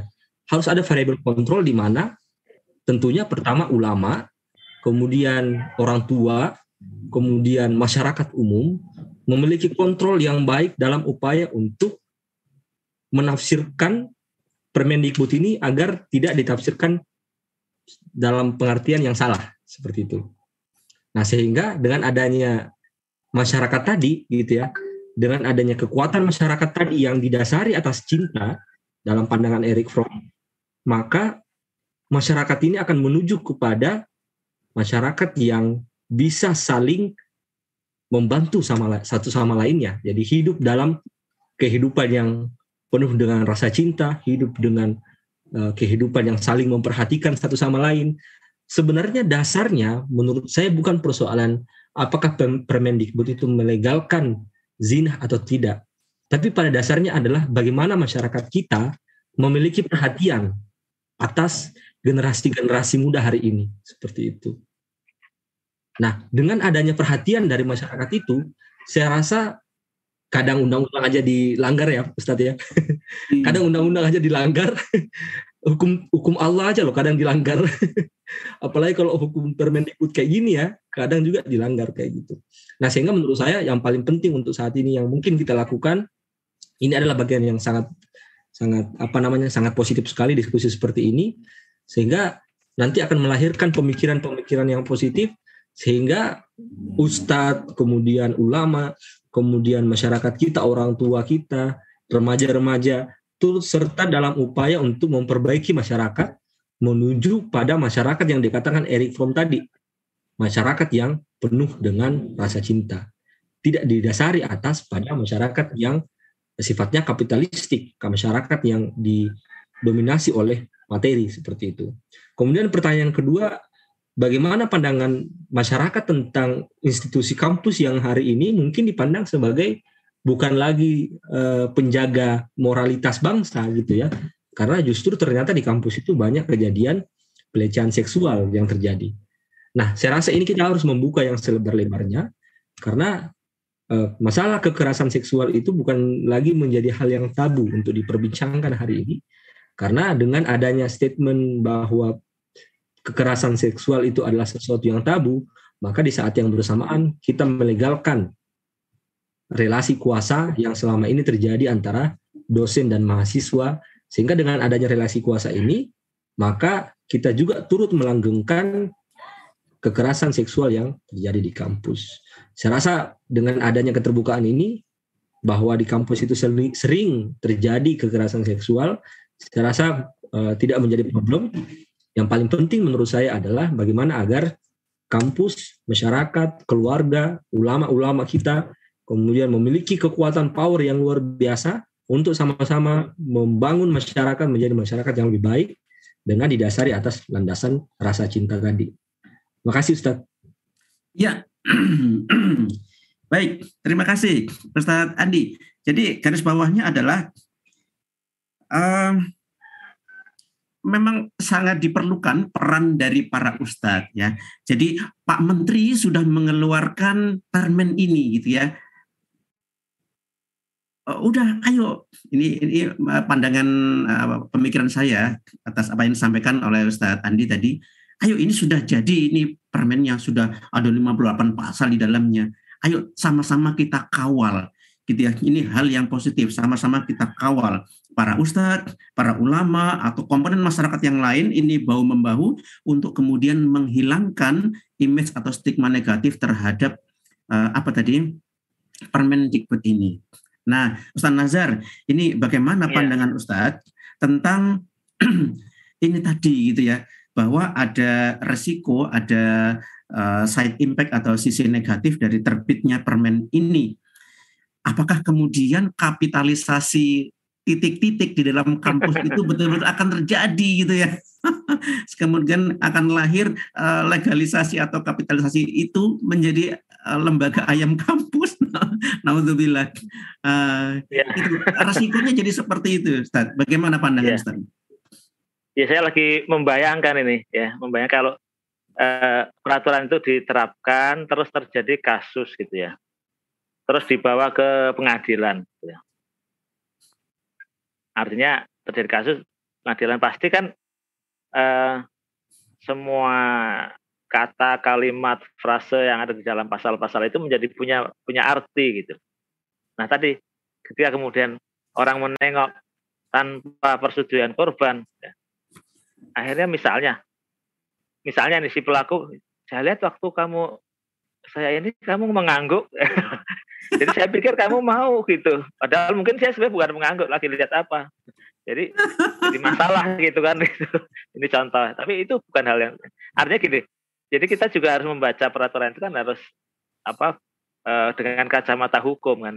Masalahnya hukum kita itu kan ada istilah saya lupa nama bahasa Latinnya itu belakangnya ada apa itu kontrario gitu. ya kalau bahasa Arabnya itu mafhumu khalafah eh, pemahaman kebalikan. Jadi kalau kata tanpa persetujuan korban itu melanggar kan gitu. Berarti mafhum mukhalafahnya ya, e, pengertian kebalikannya kalau dengan persetujuan korban itu tidak melanggar kan itu yang jadi masalah. Makanya kan banyak yang memprotes boleh diterapkan aturannya tapi direvisi dulu minimal itu tadi frase itu gitu. Iya. Ya, jadi itu yang terpenting makanya kalau saya tadi saya katakan bahwa yang yang jadi masalah itu bukan sekedar kekerasan seksual, tapi penyimpangan seksual. Kalau penyimpangan seksual itu artinya kan perilaku atau aktivitas seksual ya, atau yang terkait dengan apa pun yang punya nilai-nilai apa istilahnya seksualitas itu yang menyimpang. Ya, menyimpangnya ukurannya jelas. Ya. Kalau Muslim berarti ukurannya syariat Islam. Ya. Kan begitu. Jadi jelas sekali enak itu loh hukumnya itu jadi jadi mudah diterapkan ya. Kalau seorang muslim misalnya apa keluar dari apa rumahnya ke area publik kemudian dia tidak menutup auratnya sesuai dengan definisi aurat syariat ya dia udah melanggar. Seorang muslim atau dua orang muslim keluar ya, berdua-duaan laki perempuan. Maka itu sudah melanggar sebelum bahkan akhirnya apa? Sebelum terjadi katakanlah yang paling parah itu zina, berdua-duanya sudah tercegah duluan. Jadi pelanggaran syariat yang lebih ringan atau jalan menuju zinanya itu sudah ditutup duluan dengan menutup aurat, dengan tidak berkholwat berdua-duaan, misalnya dengan tidak boleh juga misalnya bicara secara verbal bahasa-bahasa yang merayu misalnya atau yang mengandung muatan-muatan apa pornografi seperti itu. Itu sudah ada ada aturan syariatnya masing-masing gitu. Iya. Clear banget gitu. Maka itu tercegah. Nah, jadi oleh karena itu tadi yang dikatakan apa lagi-lagi saya mengucapkan Pak Wahyu tadi uh, cinta ya tadi ya. Cinta benar itu kehidupan itu memang harus kemudian dibangun dengan cinta. Cuma barangkali dilengkapi sedikit gitu. Cinta karena Allah gitu kan. Yeah. kata Rasulullah gitu ya, unsur akhoka zoliman au mazluman. Tolonglah saudaramu. Jadi salah satu tanda cinta kita adalah menolong gitu. Jadi tidak mungkin orang yang mencintai seseorang itu kemudian membiarkan yang dicintainya itu celaka ya yeah. misalnya. Kan nggak mungkin nah, kata Rasul begitu tolonglah saudaramu zoliman au mazluman. Unsur akhoka zoliman au mazluman. Kata sahabat kalau menolong yang dizolimi kami paham ada orang pukuli ditolong. Jangan sampai dipukuli lagi misalnya. Tapi kalau orang yang memukuli ini gimana ini nolongnya kata Rasul mencegahnya dari melakukan perbuatan dolim itu menolong dia, menolong dia dari masuk neraka gitu. Maka eh, kehidupan ketika di, tadi kembali ketika Islam atau syariat Islam diterapkan itu sebenarnya bentuk wujud kecintaan Islam, kecintaan Allah kepada manusia, kecintaan Rasulullah kepada umat manusia dengan menyampaikan risalah Allah Islam itu kepada kita gitu untuk kita terapkan. Kalau kita tidak terapkan artinya berarti kita tidak mau dicintai. tidak mau dicintai oleh Allah, tidak mau dicintai oleh Rasulullah. Ya. Wajar dong kalau Allah dan Rasulullah, kalau orang diberi syariat yang baik, kok kok tidak mau ya, ya dikeplak aja plak gitu dimasukkan ke neraka kan begitu nah, ya mungkin keplakan pertama kita dikena bencana gitu kan sebagai peringatan gitu kan Iya, masih iya. bandel di kena bencana lagi yang lebih berat, ya, masih bandel lagi kena lagi. Kalau sudah puncak sepertinya sudah tidak ada harapan, bisa aja kita ini dimusnahkan misalnya seperti umat-umat terdahulu kaum Nabi Lot, kaum Samud, kaum Ad itu kan dan sebagainya itu atau Fir'aun misalnya begitu bandel betul ya. Maka bisa iya, jadi seperti itu. Jadi iya. itu ya. Baik, silakan. Ya. Baik Ustaz. Ini rupanya ada satu pertanyaan nih yang berasal dari um, Facebook, uh, apa YouTube ya, dari YouTube yeah. ya. Nah dari A Kurniawan ini kepada Ustadz Andi nih rupanya pertanyaannya ya. Mohon diberikan pandangan psikolog tidak hanya kepada pelaku yang katanya berpikir cabul, juga kepada para pelaku fashion yang seksi tadi dan bagaimana hukum sebab akibat mengaitkan ini? Wah, luar biasa. Ini pertanyaannya uh, secara psikologi ya, ditanyakan kepada psikolog, namun uh, menanyakan juga sebab akibat pada para pelaku fashion yang seksi tadi. Nah, ya, silakan pandangannya gimana nih, Ustadz Andi Wahyu nih? Terima kasih, Ustadz. Ya, jadi um, berkaitan mengenai baju tadi ya, Ustaz ya. Memang yang riset yang saya sebutkan tadi itu Jakarta uh, feminis mungkin kalau dibandingkan dengan perspektif uh, ajaran Islam sepertinya akan akan kontroversial karena orang kan perempuan itu kan harusnya menutup aurat gitu ya. Tapi ya. kenyataan dari riset itu ternyata tidak ada korelasi antara berpakaian seksi dengan perilaku pelecehan seksual. Tidak ada kayak gitu dan Iya. Entah mungkin bias atau seperti apa ya karena eh, yang meneliti adalah orang-orang yang memang eh, memperjuangkan gerakan feminis. Tapi saya coba memandang itu dari perspektif eh, bagaimana kita melihat korban-korban yang selama ini saya coba amati ya. Ada beberapa mahasiswa juga mahasiswa saya yang yang ya tidak usah saya sebutkan prodinya ya. Yang juga korban pelecehan seksual itu pakai jilbab kayak gitu. Sedangkan di kampus ada perempuan yang buka jilbab berpakaiannya kalau ke kampus itu sangat fashionable tapi dia tidak pernah mengalami uh, pelecehan seksual. Ternyata memang uh, itu tadi dari hasil riset itu tidak ada korelasi antara uh, berpakaian dengan kasus kekerasan seksual. Nah tapi eh, pada intinya sebenarnya yang paling menjadi problem besar dan perlu kita atasi bersama itu adalah pelakunya sebenarnya. pelaku dari ke, ke, kekerasan seksual ini, pelecehan seksual. Karena pelakunya lah tadi itu sehingga ya dia tidak memandang mau pakaian apa pun itu yang jelas perilakunya ya cabul kayak gitu. sehingga terjadi seperti itu. Jadi korelasinya seperti itu. Tidak ada tidak ada korelasi antara uh, antara berpakaian dengan uh, perilaku kekerasan seksual. Memang agak kontroversi ya dari sisi Islam, tapi saya coba memandang ini dari perspektif yang uh, sifatnya ilmiah. Islam juga ilmiah tentunya ya, tapi dari riset ini saya bisa melihat bahwa ternyata uh, tidak ada hubungannya orang yang berpakaian uh, seksi dengan apa perilaku kekerasan seksual. Nah, coba kita lihat dari perspektif uh, apa psikologis ya, karena saya lebih ke psikologi sosiologis ya, dua bidang ilmu yang sebenarnya saya, saya geluti, maka saya mungkin menggunakan uh, teorinya Erwin Goffman, transaksionalisme simbolik. Jadi kita berperilaku itu menampilkan simbol-simbol. Manusia itu memainkan sandiwaranya masing-masing. Manusia itu cenderung dia melakukan sesuatu atau menggunakan topeng berdasarkan dari peran-peran yang diambil.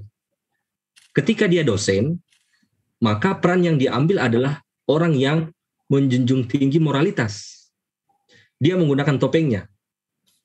Tapi di sisi lain, ketika dia di luar proses belajar mengajar, maka dia mencoba untuk membuka topengnya dengan menggunakan topeng yang baru. Menggunakan topeng yang cabul ya, mohon maaf. Menggunakan topeng yang cabul. Jadi manusia itu dalam perspektifnya Evelyn Goffman dalam teorinya transaksionalisme simbolik, maka manusia itu cenderung memainkan perannya berdasarkan dari di mana dia berada. Jadi ketika dia menjadi dosen, dia tampilkan bahwa dia sebagai seorang dosen harus menjunjung tinggi moralitas. Tapi di sisi lain ada topeng yang ingin dia buka ketika dia sudah melepas identitas dosennya. Ya makanya eh, rata-rata perilaku uh, apa kekerasan seksual itu terjadi dalam bentuk chat atau dalam bentuk video call bahkan biasanya diajak keluar ke kampus. Sudah diajak keluar jalan makan ke mana gitu kan. Oh. bahkan ketika bimbingan skripsi. Nah ini paling banyak terjadi itu ketika bimbingan skripsi. Karena tadi antara uh, dosen dan mahasiswa ketika dosen itu berhadapan dengan puluhan mahasiswa dia menggunakan topengnya sebagai dosen. Tapi ketika dia berhadapan dengan satu orang mahasiswa dalam bentuk bimbingan skripsi, maka yang dia tampilkan bukan topeng dosennya, tapi yang dia tampilkan adalah topeng cabulnya. Mohon maaf ya Ustaz ya, mungkin kira-kira seperti itu. Iya. Terima kasih Ustaz. Iya baik Ustaz. Nah, menyambung dengan apa yang disampaikan Ustadz barusan, ini dari Mahardika Ragil Panji. Kalau memang begitu, Berarti dunia pendidikan, terutama kampus perguruan tinggi ini sudah nggak aman dong bagi wanita. Ini gimana pandangan Ustaz? ya Ustaz ya? Iya. Betul Ustaz, itu memang sudah tidak aman ya. Memang tidak aman dan seharusnya yang bertanggung jawab penuh adalah pengelola kampus. Dalam hal ini rektor, dekan, dan seterusnya. Kampus itu telah menjadi ruang penindasan sosial yang mana itu langgeng selama bertahun-tahun. Bukannya saya ingin me menjelekkan institusi saya ya, tapi memang selama ini kita selalu didoktrin oleh budaya ya tidak apa-apa dimaklumi aja demi nama baik kampus. Padahal dengan statement ini bisa berbahaya. Dengan mengatakan bahwa jangan sebarkan masalah ini ya, karena ini berkaitan mengenai nama baik kampus. Ini akan sangat berdampak tentunya ya. Karena ini yang harus dipikirkan bersama bahwa sekarang ini kampus tidak sedang baik-baik saja. Oh. Wanita itu menjadi menjadi ancaman ya. Di kampus itu wanita menjadi ancaman. Ya Allah. Uh, sebagai ancaman ini ya, ancaman kekerasan seksual ya. Kayak gitu Ustaz mungkin ya. Karena ya kalau kita lihat kampus itu karena mungkin sudah anu kali ya, sudah akil balik ya, sudah dewasa ya. Sehingga aura-aura aura-aura kewanitaannya itu muncul di situ ya dibandingkan misalnya dengan anak-anak SMA. Di TK jarang ya di TK. di TK kan jarang ya. gitu. Di TK jarang, di PAUD, di SD gitu kan. Tapi sebenarnya dampak yang paling berbahaya itu di TK, di PAUD. Karena tadi ada delay memori, ada memori yang tertunda. Di saat dewasa dia akan mengingat kembali trauma yang dia alami pada saat dia kecil. Iya. Tapi jarang terjadi biasanya di SD. Yang banyak terjadi justru di perguruan tinggi. Oke, oke, oke, Mungkin oke. boleh saya komentar kalau boleh. Ustadz Nazar, itu eh, tolong dijelaskan juga. Ini ada pertanyaan dari Ruslan Maparenta. Jadi sebenarnya gimana sih pergaulan pria dan wanita yang seharusnya dalam Islam itu? Bagaimana ini? Ya. Ini mohon pencerahannya. Ya saya ya sekalian komentar saya tadi kan topeng tadi ya. saya menarik juga topeng. Jadi eh, adanya topeng-topeng kalau lagi jadi apa dosen di depan kelas begini nanti kalau sedang bimbingan skripsi lebih privat begitu top- pakai topeng yang lain. Nah, Topeng manusia. Juga- Nah, jadi itu sebenarnya kan tadi yang saya katakan bahwa ketika nilai-nilai sekuler itu yang dominan, maka tidak ada yang namanya ketakwaan. Kalau ketakwaan ini kan kontrol pribadi, orang merasa diawasi oleh Allah, dikontrol itu itu ditanamkan. Memang itu sifatnya individual, tapi kalau itu masif menjadi bagian dari proses pendidikan, ya, itu menjadi bagian dari apa yang selalu diomongkan di tengah publik, maka insya Allah besar atau kecil, insya Allah besar pengaruhnya terhadap uh, perilaku manusia gitu. Jadi orang malu gitu, mau katalah dosen mulai mancing-mancing mahasiswinya atau atau dosen perempuan mancing-mancing mahasiswanya misalnya, itu uh, dengan minimal dia sering ngomong tentang takwa itu akan malu gitu. Itu itu jadi masuk ke level 2 ya, kontrol sosialnya jadi lebih kuat gitu ya. Belum lagi kalau tadi diterapkan juga sanksi-sanksi uh, hukum yang benar gitu ya, yang tepat ya, sesuai fitrah insya Allah efektif. Nah jadi, nah inilah makanya kemudian tadi sesuai dengan pertanyaan tadi bahwa uh, tata pergaulan yang sesuai dengan Islam itu memang perlu diterapkan ya. Jadi simpelnya gini ya, uh, misalnya kalau kita bayangkan kita mau kuliah gitu lah seorang mahasiswa mau kuliah. Pertama dia ketika mau keluar lihat dia sudah pakai pakaian yang menutup auratnya dengan benar atau tidak. Dia pakai parfum yang terlalu mencolok atau tidak gitu. Kalau pakai parfum terlalu mencolok yang mengundang perhatian itu juga sudah tidak boleh. Jadi Islam itu bukan melihat apakah nanti dengan uh, parfum itu membuat orang uh, katakanlah tertarik dia atau atau kemudian bahkan misalnya bahasa kasarnya terus langsung jadi pingin memperkosa dia bukan itu tapi dia kalau sudah pakai pakaian yang masuk kategori tabarruj ya, termasuk misalnya parfum maka secara apa istilahnya fisik berarti dia sudah melakukan pelanggaran syariat ya. tanpa harus kemudian dipertimbangkan nanti betul-betul terjadi tadi misalnya pelecehan atau tidak kekerasan seksual atau tidak tanpa perlu itu ya sama seperti tadi ketika yang ditanyakan tentang apa tuh fashion tadi kan? Uh, tanpa bahwa kemudian atau termasuk hasil penelitian tadi misalnya ternyata berdasarkan hasil penelitian tadi yang yang banyak mendapat kekerasan seksual justru yang pakaiannya bagus itu misalnya. Yang pakaiannya seksi malah aman lah. Misalnya begitu katakanlah misalnya penelitian itu benar. Ya secara syariat tetap yang pakaiannya sudah benar walaupun dia akhirnya jadi korban kekerasan seksual, ya dia, dia tidak tidak dosa dia keluarnya itu kalau kalau seandainya tidak melakukan pelanggaran yang lain ya.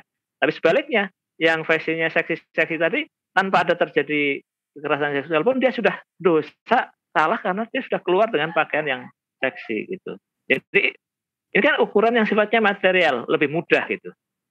Tapi kita juga jangan lupa sebenarnya ayat Al-Quran itu menyebut uh, dalam hal pelang, per, apa, penerapan hukuman apa terhadap pezina itu ayat itu menyebutnya azaniatu wazani fajlitu kulla wahidin min huma mi'atat jaldatan. Jadi yang disebut azaniyah dulu, pezina perempuan dulu. Itu isyarat gitu ya. Isyarat bahwa sangat boleh. Jadi kalau isyarat Allah kan Maha tahu ya bahwa terjadinya zina atau yang semacamnya atau yang mendahului zina itu dimulai dari perempuan misalnya dari pakaiannya seksi atau mungkin parfumnya atau cara bicara yang terlalu ya mendayu-dayu membuat atau gara-gara misalnya nonton orang kalau sekarang kan banyak tontonan-tontonan yang porno begitu. Itu menjadi pendahuluan seperti itu. Ya. saya pikir itu penelitiannya juga yang penelitian lain ada juga ya. Ya satu itu tadi kembali bahwa ketika dia mau keluar apa kuliah dia lihat dulu eh, dirinya. Sudah benar nggak secara syar'i itu. Kemudian ketika di, di tempat kampus itu itu juga ada aturan. Misalnya kalau tempatnya umum di situ ada laki-laki dan perempuan ruang umum yang orang boleh masuk keluar bebas itu. Dari tempat umum ya boleh. Tapi ketika eh, laki-laki uh, perempuan berdua saja misalnya tadi bimbingan apa skripsi misalnya hanya dosen laki-laki dan misalnya mahasiswi ya perempuan kalau mahasiswi perempuan ya. Hanya berdua saja gitu ya. Di ruang tertutup orang kalau mau masuk itu harus izin. Kalau misalnya eh, peserta bimbingan yang lain mau masuk ya kan biasanya gitu kalau satu dosen membimbing beberapa mahasiswa mahasiswa ya satu-satu begitu itu sudah salah secara syar'i walaupun tidak misalnya tidak terjadi apa-apa gitu. Tidak terjadi tadi kekerasan seksual. Itu sudah salah duluan secara hukum syariat. Nah ini harus diterapkan gitu. Hukum-hukum semacam ini. Ya. uh, apalagi misalnya kholwat. Ya, ini tadi masuk kategori kholwat ya, ya atau tabarus. Itu diterapkan ya. Terus bicara atau ngomong juga seperlunya misalnya. Ya. ketika ya. memang ya di dalam tadi uh, bimbingan skripsi tadi memang ya diobroli skripsi betul. Begitu sudah selesai Islam melarang hmm. kemudian ngomong ngalor ngidul ya, gimana Mbak tinggal di mana gimana kosnya enak nggak ya. ya kiriman misalnya kalau zaman saya itu kan wesel ya. Kalau sekarang langsung transfer orang udah pegang ATM ya. Kalau dulu wesel gimana? Weselnya terlambat nggak? Ada yang bisa saya bantu nggak? Eh kalau gitu ya langsung berbunga itu bisa yang tadinya apa kuliah bisa jadi tadi terjadi yang dulu ter, terjadi ayam kampus itu bisa terjadi begitu. Allah Akbar. Ya jadi Allah, uh, jadi artinya gini saya ingin mengatakan bahwa tata pergaulan aturan Islam dalam hal apa istilahnya istimaiyah ya mengatur yeah. pergaulan laki-laki perempuan itu berlapis-lapis ya. Jadi tidak tiba-tiba ada hukum rajam bagi bezina atau hukum cambuk yeah. bagi bezina, tidak tiba-tiba begitu, tapi ada hukum-hukum yang berlapis-lapis. Kalau itu diterapkan, kemungkinan terjadinya kekerasan seksual, kemungkinan terjadinya perzinahan itu menjadi sangat-sangat kecil. Ya. Yang yeah, sangat baik. kecil pun kemudian akan dikenakan sanksi yang berat itu pun dengan pembuktian yang juga tidak mudah. Iya, Tapi yang kalau pelanggaran yang tadi yang ringan-ringan juga mudah. Oh, kelihatan dia keluar nggak pakai kerudung, melanggar. Oh, kelihatan dia masuk rumah dosennya sendirian, padahal dosennya juga sendirian juga. Berduaan itu melanggar. Gampang pembuktiannya. Nah, jadi tercegah itu. Jadi Islam luar biasa. Ya, baik, silakan. Ya, jadi sudah terjawab ya pertanyaan dari Ruslan Maparenta ya. Uh, tentang ya, apa sih tata pergaulan? Itu waduh udah Islam itu udah menyebutkan dengan sangat lengkap sudah sangat komprehensif. Jika penasaran nanti silakan hubungi Ustadz Nazarudin langsung termasuk ini ya termasuk nggak ada nggak ada masalah kalau misalnya dosen menikahi mahasiswinya gitu atau ah, atau ibu dosen men menikahi mahasiswanya misalnya nggak ada masalah iya Oh, astagfirullahaladzim. Baik. Nah, ini rupanya ada request juga, ada yang ingin menyampaikan sesuatu ini. Baik, dengan waktu yang sangat singkat kami persilakan nih kepada Ustadz Junaidi. Silakan, kami berikan kesempatan. Tapi waktunya karena ini sudah jam 11.31 ya. Uh, kameranya bisa dinyalakan Ustadz Junaidi? Aduh. Oke, siap. Oke. Okay. Terima kasih Ustadz eh, atas waktunya. Eh, Bismillah. Ya, Assalamualaikum warahmatullahi wabarakatuh. Waalaikumsalam. Sebenarnya singkat saja. Oh maaf, putus-putus di teman saya. Dari Ustadz Nazarudin, Ustadz Andi Wax, bebas sudah ini. Ya, jadi eh, banyak banyak hal yang ternyata kita juga harus aware ya perhatian tentang masalah ini. Eh, saya ingin ini saja menanggapi yang eh, hasil survei Jakarta Feminisme tadi eh, bahwa banyak kasus yang terjadi adalah kepada wanita uh, wanita-wanita yang berjilbab atau berhijab gitu ya. Sedangkan yang berpakaian seksi tidak. Tapi kita belum tahu ini standar surveinya seperti apa. Apakah berdasarkan laporan atau perasaan dari si pelapor saja atau memang ada standar khusus pelecehan seksual itu seperti apa? Karena bisa jadi kenapa bagi wanita-wanita yang tidak memakai jilbab itu tidak merasa merasa dilecehkan karena memang udah biasa gitu nggak nggak nggak ada uh, ini sebenarnya pelecehan gitu ya misal uh, hanya sekedar uh, rayuan-rayuan atau misalnya uh, uh, kata-kata yang konotasinya uh, porno gitu ya. Uh, jadi di sini mungkin bagi yang tidak berhijab mungkin ini juga saya mungkin ya karena uh, dari hasil survei tadi juga saya rasa terlalu terlalu menyudutkan jadinya. Akhirnya menjadi uh, menyudutkan bahwa berhijab itu lebih berbahaya dibandingkan yang berpakaian seksi gitu. Tapi dari konteks uh, pelecehannya hmm. sendiri tidak di, dijelaskan. Seperti apa sebenarnya pelecehan yang dimaksud gitu mbak? Uh, jadi saya mungkin itu saja yang mudah-mudahan nanti bisa uh, karena waktunya sangat sempit sekali menjelaskan apa yang dimaksud dengan itu ya. Uh, dengan pelecehan seksual yang dimaksud tadi antara uh, berjilbab dengan yang tidak berjilbab tapi saya rasa uh, tidak tidak hanya sesederhana itu gitu dan Uh, tentu saja bagi pem, uh, pakaian itu hmm. bagi saya pribadi sebagai laki-laki itu sangat berpengaruh. Ya alhamdulillah saya masih normal ya. Jadi semuanya berpengaruh gitu ya. Gitu Ustaz. Ya, terima kasih. Assalamualaikum warahmatullahi wabarakatuh. Oke, terima kasih Ustaz Junaidi. Ya, alhamdulillah kita sudah menyelesaikan ya sesi tanya jawab sekaligus ada penyampaian pandangan Oh, rupanya masih ada lagi. Wah, ini kita kasih kesempatan deh kepada seorang ustazah ya. Pandangan ustazah Mariatul Habrah. Tapi mohon maaf nih ustazah Mariatul Habrah waktunya sangat sempit ya. Jadi ah, harus singkat banget ya. Karena uh, nggak sampai setengah jam lagi kita sudah masuk waktu zuhur dan masih ada sesi keynote speaker penyampaian kata-kata kunci dan doa. Kami persilakan waktunya ya. kepada Ustazah Mariatul Habra. Oke. Syukran Ustaz Fatah. Bismillahirrahmanirrahim. Assalamualaikum warahmatullahi wabarakatuh. Waalaikumsalam warahmatullahi uh, Afwan sebelumnya uh, mungkin saya tidak bertanya cuma menyampaikan uh, apa namanya kekhawatiran ya curhat sebagai seorang guru ya.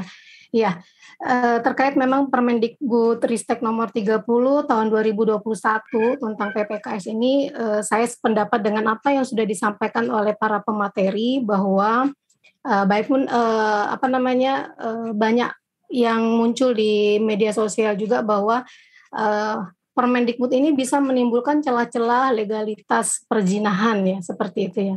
Karena memang tidak semua masyarakat kita bisa memahami dengan baik uh, bahkan uh, apa namanya isi dari uh, permen tersebut yang bisa menimbulkan makna makna lain itu tadi ada rasa uh, atas uh, persetujuan gitu ya boleh sepanjang ada persetujuan.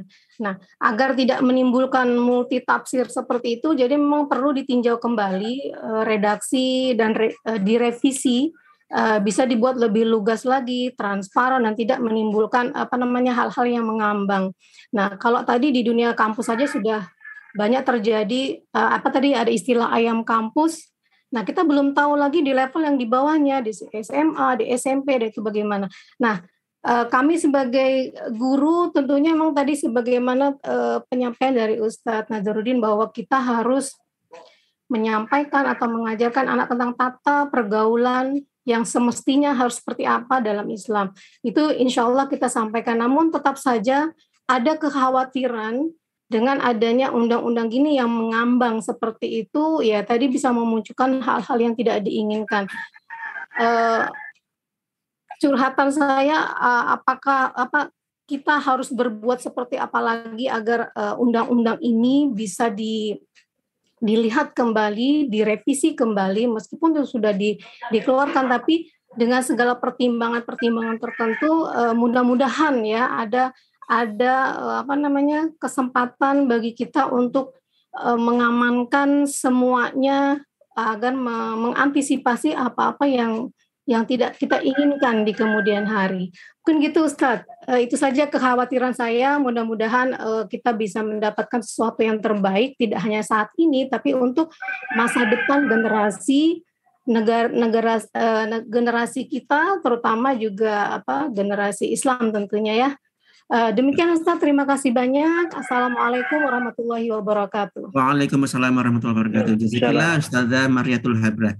Nah, itu yang penting juga ya disampaikan oleh Ustazah barusan. Terus ini gimana gitu ya? Nah ini menjadi penting rekomendasi-rekomendasi yang kita hasilkan dari pembicaraan kita ini mau dilanjutkan ke mana nih? Karena harus sampai harus sampai kepada yang di atas yang di atas itu maksudnya ya kalau perlu sampai ke Pak Menteri atau Pak Presiden gitu ya harus ada jalur untuk menyampaikan itu. Nah mari kita dengarkan bersama-sama penyampaian dari penutup dari Ustadz Sudaryanto. Ya Ustadz silakan. Namun waktunya rupanya tidak bisa sepanjang yang direncanakan ya Ustadz. Ya. Baik Ustadz. Ya. Bismillahirrahmanirrahim. Assalamualaikum warahmatullahi wabarakatuh. Waalaikumsalam. Alhamdulillah salatu wassalamu ala rasulillah para narasumber yang telah berkenan hadir di uh, kegiatan El Castra. Uh, kami ucapkan terima kasih dan semoga ini menjadi bagian amal uh, dari saudara-saudara sekalian. Saya mulai keynote speaking saya bahwa perbedaan yang khas antara manusia dan binatang adalah pada kemampuan mereka untuk mendefinisi binatang uh, dapat mendefinisi apa yang dia makan, apa lawan jenisnya dan selanjutnya. Sementara manusia bahkan dapat melakukan redefinisi atas definisi-definisi derivatnya, turunannya. Kemudian juga atas performa kita sebagai manusia, Freud, Sigmund Freud mengatakan bahwa performa manusia digerakkan oleh energi seksual. Untuk itu sehingga Mas Menteri mengeluarkan Permendikbud Ristek nomor 30 tahun 2002 2021 tentang PPKS yang kita akan memulai memandang Permendikbud ini dari sisi suudon, uh, maaf dari uh, husnudon, dari uh, pandangan uh, baik, prasangka baik terhadap itu. Tetapi jika katakanlah Mas Menteri mengatakan I do my best, maka kita juga bisa mengatakan your best is not good enough, Mas. Kemudian apa yang mesti kita kritisi dari not good enough di sini? Yang pertama dari sisi hukum bahwa secara uh, hukum politik bahwa uh, produk hukum akan dilihat dari konsiderannya. Konsideran dari hukum ini adalah jika mengingat eh, di situ ada eh, pasal 1 ada 17, pasal 17 ayat 3, kemudian eh, selanjutnya adalah sistiknas, kemudian juga eh, tentang HAM. Juga selanjutnya adalah dari SIDO, Convention of Elimination of uh, of all form uh, of discrimination against women. Ini adalah konsideran yang dapat kita jadikan rujukan bagaimana Permendikbud ini menjadi critical. Yang pertama, jika mengacu pada yang telah tadi disebutkan bahwa Sistiknas maka mengacu pada iman dan takwa di situ. Kemudian juga tentang Permendikbud ini dipandang sebagai cacat prosedural di mana pelibatan masyarakat, eh, tingkat partisipasi masyarakat dalam hal ini sangat rendah. Muhammadiyah yang memiliki 172 perguruan tinggi juga tidak diajak berbicara dengan mencukupi tentang permen ini. Hanya disebutkan bahwa Banom, salah satu Banom dari Muhammadiyah diajak uh, berbicara untuk ini. Kemudian juga menurut Dr. Uh, Trisno, beliau adalah PP Majelis Dikmen dari PP Muhammadiyah, beliau juga menyebutkan bahwa permen ini juga pernah diajukan yang konteksnya dari sisi redaksi sama adalah untuk uh, menengah, yaitu bahkan di tingkat SMP dan SMA. Kemudian dari sisi operasionalnya, jika akhirnya terjadi concern uh, atas persetujuan, maka di sini relasi antara korban dan pelaku menjadi tidak sinkron lagi. Problematika ke depannya adalah akan terjadi distrust terhadap uh, perguruan tinggi, sivitas akademika, terutama adalah perguruan tinggi secara kelembagaan dan dosen serta uh, tenaga kependidikan yang ada di dalamnya selaku manusianya. Kemudian fakta-fakta yang dimunculkan adalah bahwa survei tertinggi atas terjadinya pelecehan seksual adalah justru yang menggunakan rok dan celana panjang. Dan selanjutnya selanjutnya, artinya data-data di sini menjadi sangat panjang dan baju tidak berhubungan dengan perbuatan ikutan atas tindakan uh, seksual tersebut. Kita dapat menggunakan pendekatannya dari Kenichi Omai ketika dalam menggunakan pisau bedah untuk memandang kasus ini. Bahwa Kenichi Omai dalam bukunya yang berjudul The End of the Nation State, dia mengatakan bahwa dalam konteks sekarang ini perang pemikiran atau kita bisa berhalus dengan kompetisi pemikiran di sini, maka uh, negara menyerang negara yang lain secara nirmiliter dengan menggunakan tiga kata yaitu ITS, isu, tema, skema. Di dalam tataran isu, jika melihat prolog tadi, maka setelah ada pelecehan di sini, maka seharusnya memang ada peraturan dan sebagainya, dan pelaku uh, korban paling banyak dalam hal ini adalah yang menggunakan celana panjang dan rok. Artinya baju semakin menutup, semakin tidak aman terhadap pelakunya. Artinya baju mesti dileberalisasikan. Ini ada di tataran isu. Kemudian di tataran masyarakat saat ini sudah uh, mengacu pada yang kedua, yaitu temanya. Temanya adalah dimunculkan uh, Permendikbud ini. Skemanya apa? Maka ke depannya akan ada liberalisasi.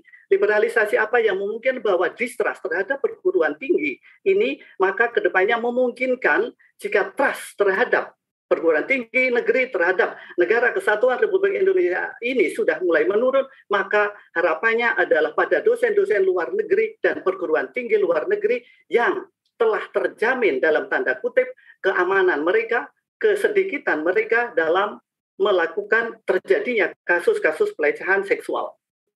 Ini adalah isu, tema, skema, dan kita sudah hampir mendekati tema skema di mana kita bahkan akan membenci negara ini sendiri dengan mengharapkan pertolongan dalam tanda kutip dari negara luar. Kemudian di mana posisi kita?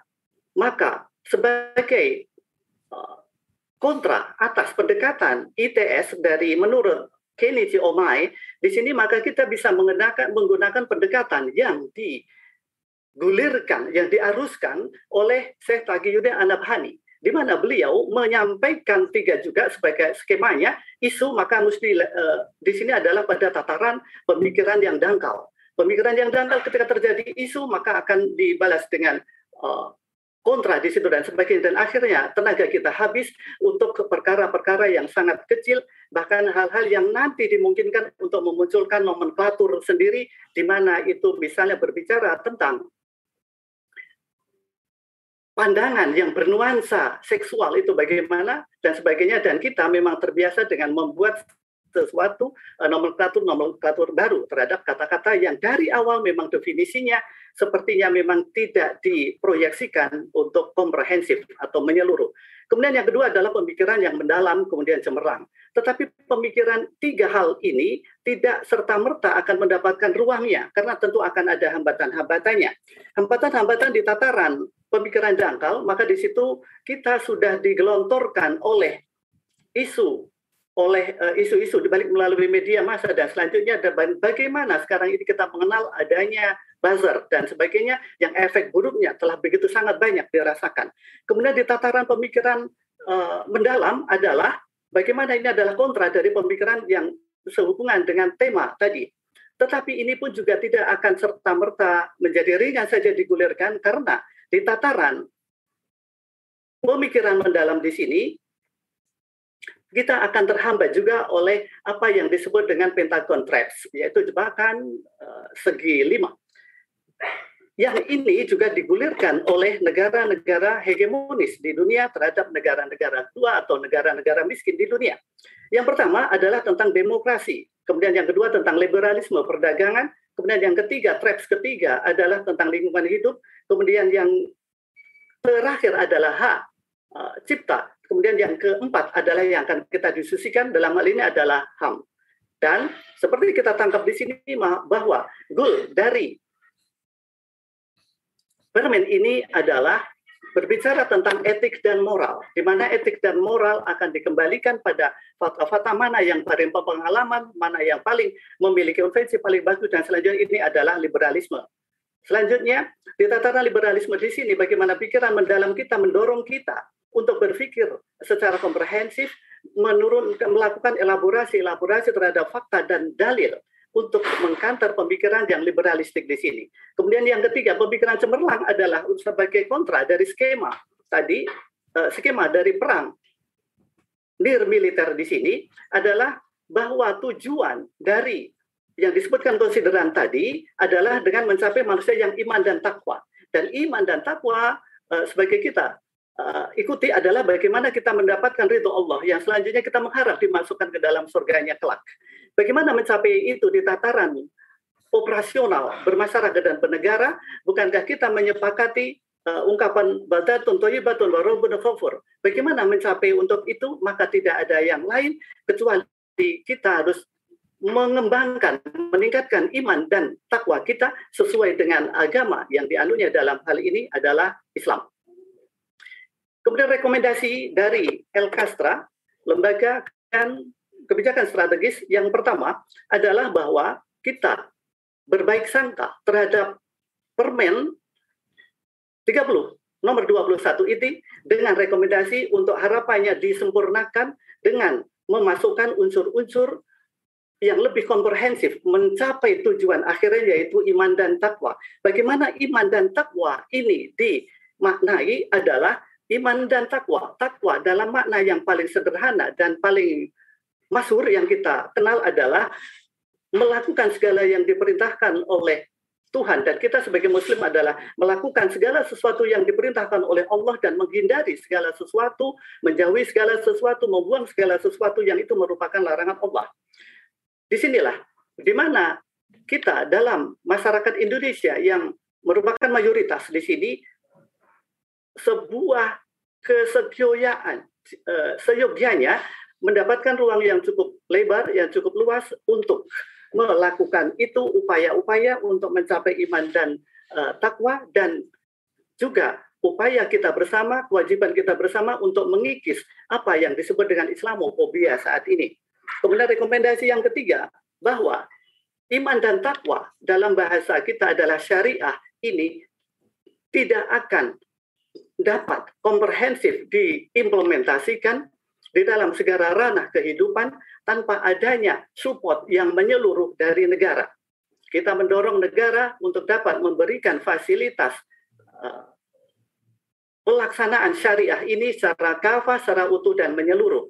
Jika itu tidak di tidak diberikan oleh negara atau negara mana pun, kita mengetahui bahwa setiap muslim semakin dia ditekan, semakin potensi-potensi perjuangannya dihilangkan, maka tidak ada hal yang lain kecuali Muslim ini akan semakin menyerahkan dirinya kepada zat yang menciptakannya Allah Subhanahu wa taala. Dan ini adalah tataran uh, tawakal yang selanjutnya tawakal ini Allah telah stempel telah garansi ke ke manusia bahwa Allah mencintai orang-orang yang bertawakal. Semoga Allah Subhanahu wa taala memberikan kemudahan, keringanan, kelapangan atas urusan-urusan kita, mengupayakan diri pribadi untuk menjadi insan yang beriman dan bertakwa, juga bagaimana kita sebagai sosial, makhluk sosial juga dapat diterapkan di dalam masyarakat sosial keimanan takwa tersebut sehingga bagaimana iman dan takwa ini menjadi tujuan bersama individu, masyarakat ataupun negara. Selanjutnya kita berserah kepada Allah, semoga Allah memberikan kemudahan kepada kita untuk semakin mendekat kepada aturan-aturannya diterapkan dalam kehidupan kita sehari-hari. Dan ini sangat mungkin sekali ulama menyebutkan bahwa ini adalah janji Allah, maka apalagi yang akan menghentikan kita dalam mengupayakan itu. Saya Sudaryanto El Kastra, terima kasih banyak. Assalamualaikum warahmatullahi wabarakatuh. Waalaikumsalam warahmatullahi wabarakatuh.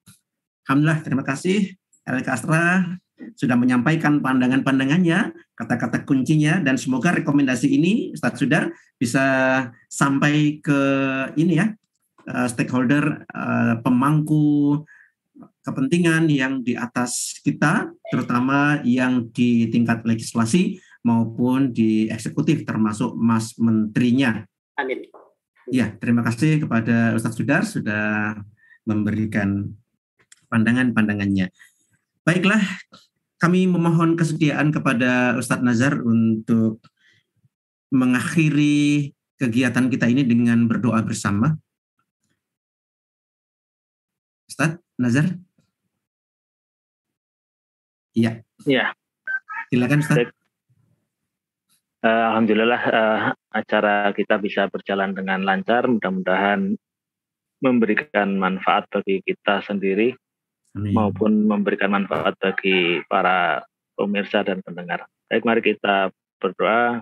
kepada Allah SWT kita gantungkan segala harapan kita hanya kepada Allah SWT Syed yang menguasai alam semesta dan yang akan meminta pertanggungjawaban kita di yaumil kiamah kelak. Bismillah ya. Allah hadiniyah. Al-Fatihah. A'udzu billahi minasyaitonir rajim. Bismillahirrahmanirrahim. Alhamdulillahirabbil alamin. Ar-Rahmanir-Rahim Maliki yaumiddin Iyyaka na'budu wa iyyaka nasta'in Ihdinas siratal mustaqim siratal ladzina an'amta 'alaihim ghairil maghdubi 'alaihim waladdallin. Amin. Alhamdulillah Rabbil Alamin Hamdan amin Hamdan syakirin Hamdan yuafi ni'amahu Wa yukafi'u masidah Ya Rabbana lakal hamdu Kama yang bagi li jalalika Wa, wa azimi sultanik Allahumma salli ala nabika habibika rasulullah Muhammad sallallahu alaihi wasallam wa ala alihi wa sahbihi wa man tabi'ahu bi ihsanin ila yaumiddin. Allahumma ya Allah ya Ghafur ampunilah kami, ampunilah dosa-dosa kami, semua dosa-dosa kami, dosa kaum muslimin muslimat, dosa orang-orang yang telah berjasa mendidik kami, memahamkan kami Islam, ampunilah dosa-dosa para pengemban dakwah, dan tolonglah mereka dalam menyampaikan amanah kepada umat manusia khususnya kepada para pemimpin sehingga mudah-mudahan dengan pertolonganmu dan dengan dibukanya hati mereka dengan tanganmu mereka menerima apa yang didakwahkan oleh para dai itu ya Allah. Mudah-mudahan kehidupan kami segera berubah dari kehidupan yang sekularistik menjadi kehidupan Islami yang engkau ridhoi Amin. Ya Allah, ya Rahman, ya Rahim, karuniakanlah kepada kami rahmat yang luas melalui penerapan syariatmu, sehingga rahmatmu menjangkau semua sudut-sudut di muka bumi hingga tidak ada alasan bagi siapa pun kecuali menerima Islam, hingga tidak ada alasan bagi mereka di akhirat untuk berkhilah bahwa mereka tidak paham dan tidak mengerti Islam. Ya Allah, Ya Rahman, Ya Rahim, bukakanlah jiwa dan hati para pemimpin kami sehingga mereka menjadikan kekuasaan yang saat ini ada di tangan mereka, mereka gunakan, mereka manfaatkan untuk menerapkan Islam dan mereka menjadi jalan bagi mereka untuk meraih ridhamu ya Allah. Ya Allah, Ya Rahman, Ya Jabbar yang maha kuat, Singkirkanlah dari jalan kami orang-orang yang menghalangi-halangi tegaknya syariatmu. Sesungguhnya engkau maha kuat, tidak ada yang lebih kuat daripada engkau. Ya Allah, Ya Rahman, hindarkanlah dari kami madarat orang-orang yang memusuhi dan memusuhi para pengemban dakwahmu. Rabbana zalamna anfusana wa illam taghfir lana wa tarhamna lanakunanna minal khasirin. Ya Allah ampunilah dosa kami karena kezaliman kami terhadap diri kami. Wahdina siratal mustaqim siratal ladzina an'amta alaihim minan nabiyyin wasiddiqin wasyuhada wassalihin dan tunjukkanlah pada kami jalan orang jalan yang lurus yaitu jalan para nabi, jalan para syuhada, orang-orang soleh dan orang-orang yang jujur dan benar imannya. Rabbana atina fid dunya hasanah wa fil akhirati hasanah wa qina adzabannar wa sallallahu ala Muhammad wa ala alihi wa sahbihi ajma'in walhamdulillahi rabbil alamin. Assalamualaikum warahmatullahi wabarakatuh. Waalaikumsalam warahmatullahi wabarakatuh. Jazakallah Ustaz Rezar sudah memimpin kami semua berdoa. Semoga Allah memperkenankan, mengabulkan, mengijabah doa Amin, kita. Ya Tidak hanya untuk kita yang saat ini mengikuti, tapi juga untuk anggota keluarga kita seluruhnya, orang-orang um, terdekat kita, baik di dalam lingkungan pekerjaan maupun seluruh umat Islam sedunia. Saya akhiri kegiatan kita ini dengan membaca hamdalah dan mengajak semua pemirsa untuk berdoa. Subhanakallahumma wa bihamdik asyhadu an la ilaha illa anta astaghfiruka wa atubu ilaik. Mohon dimaafkan jika ada kekurangan atau hal-hal yang kurang berkenan lainnya, baik dari sikap maupun kata-kata kami. Semoga bermanfaat dan sampai jumpa dalam kajian fokus discussion group yang selanjutnya. Billahi taufiq wal hidayah. Wassalamualaikum warahmatullahi wabarakatuh. Waalaikumsalam warahmatullahi wabarakatuh.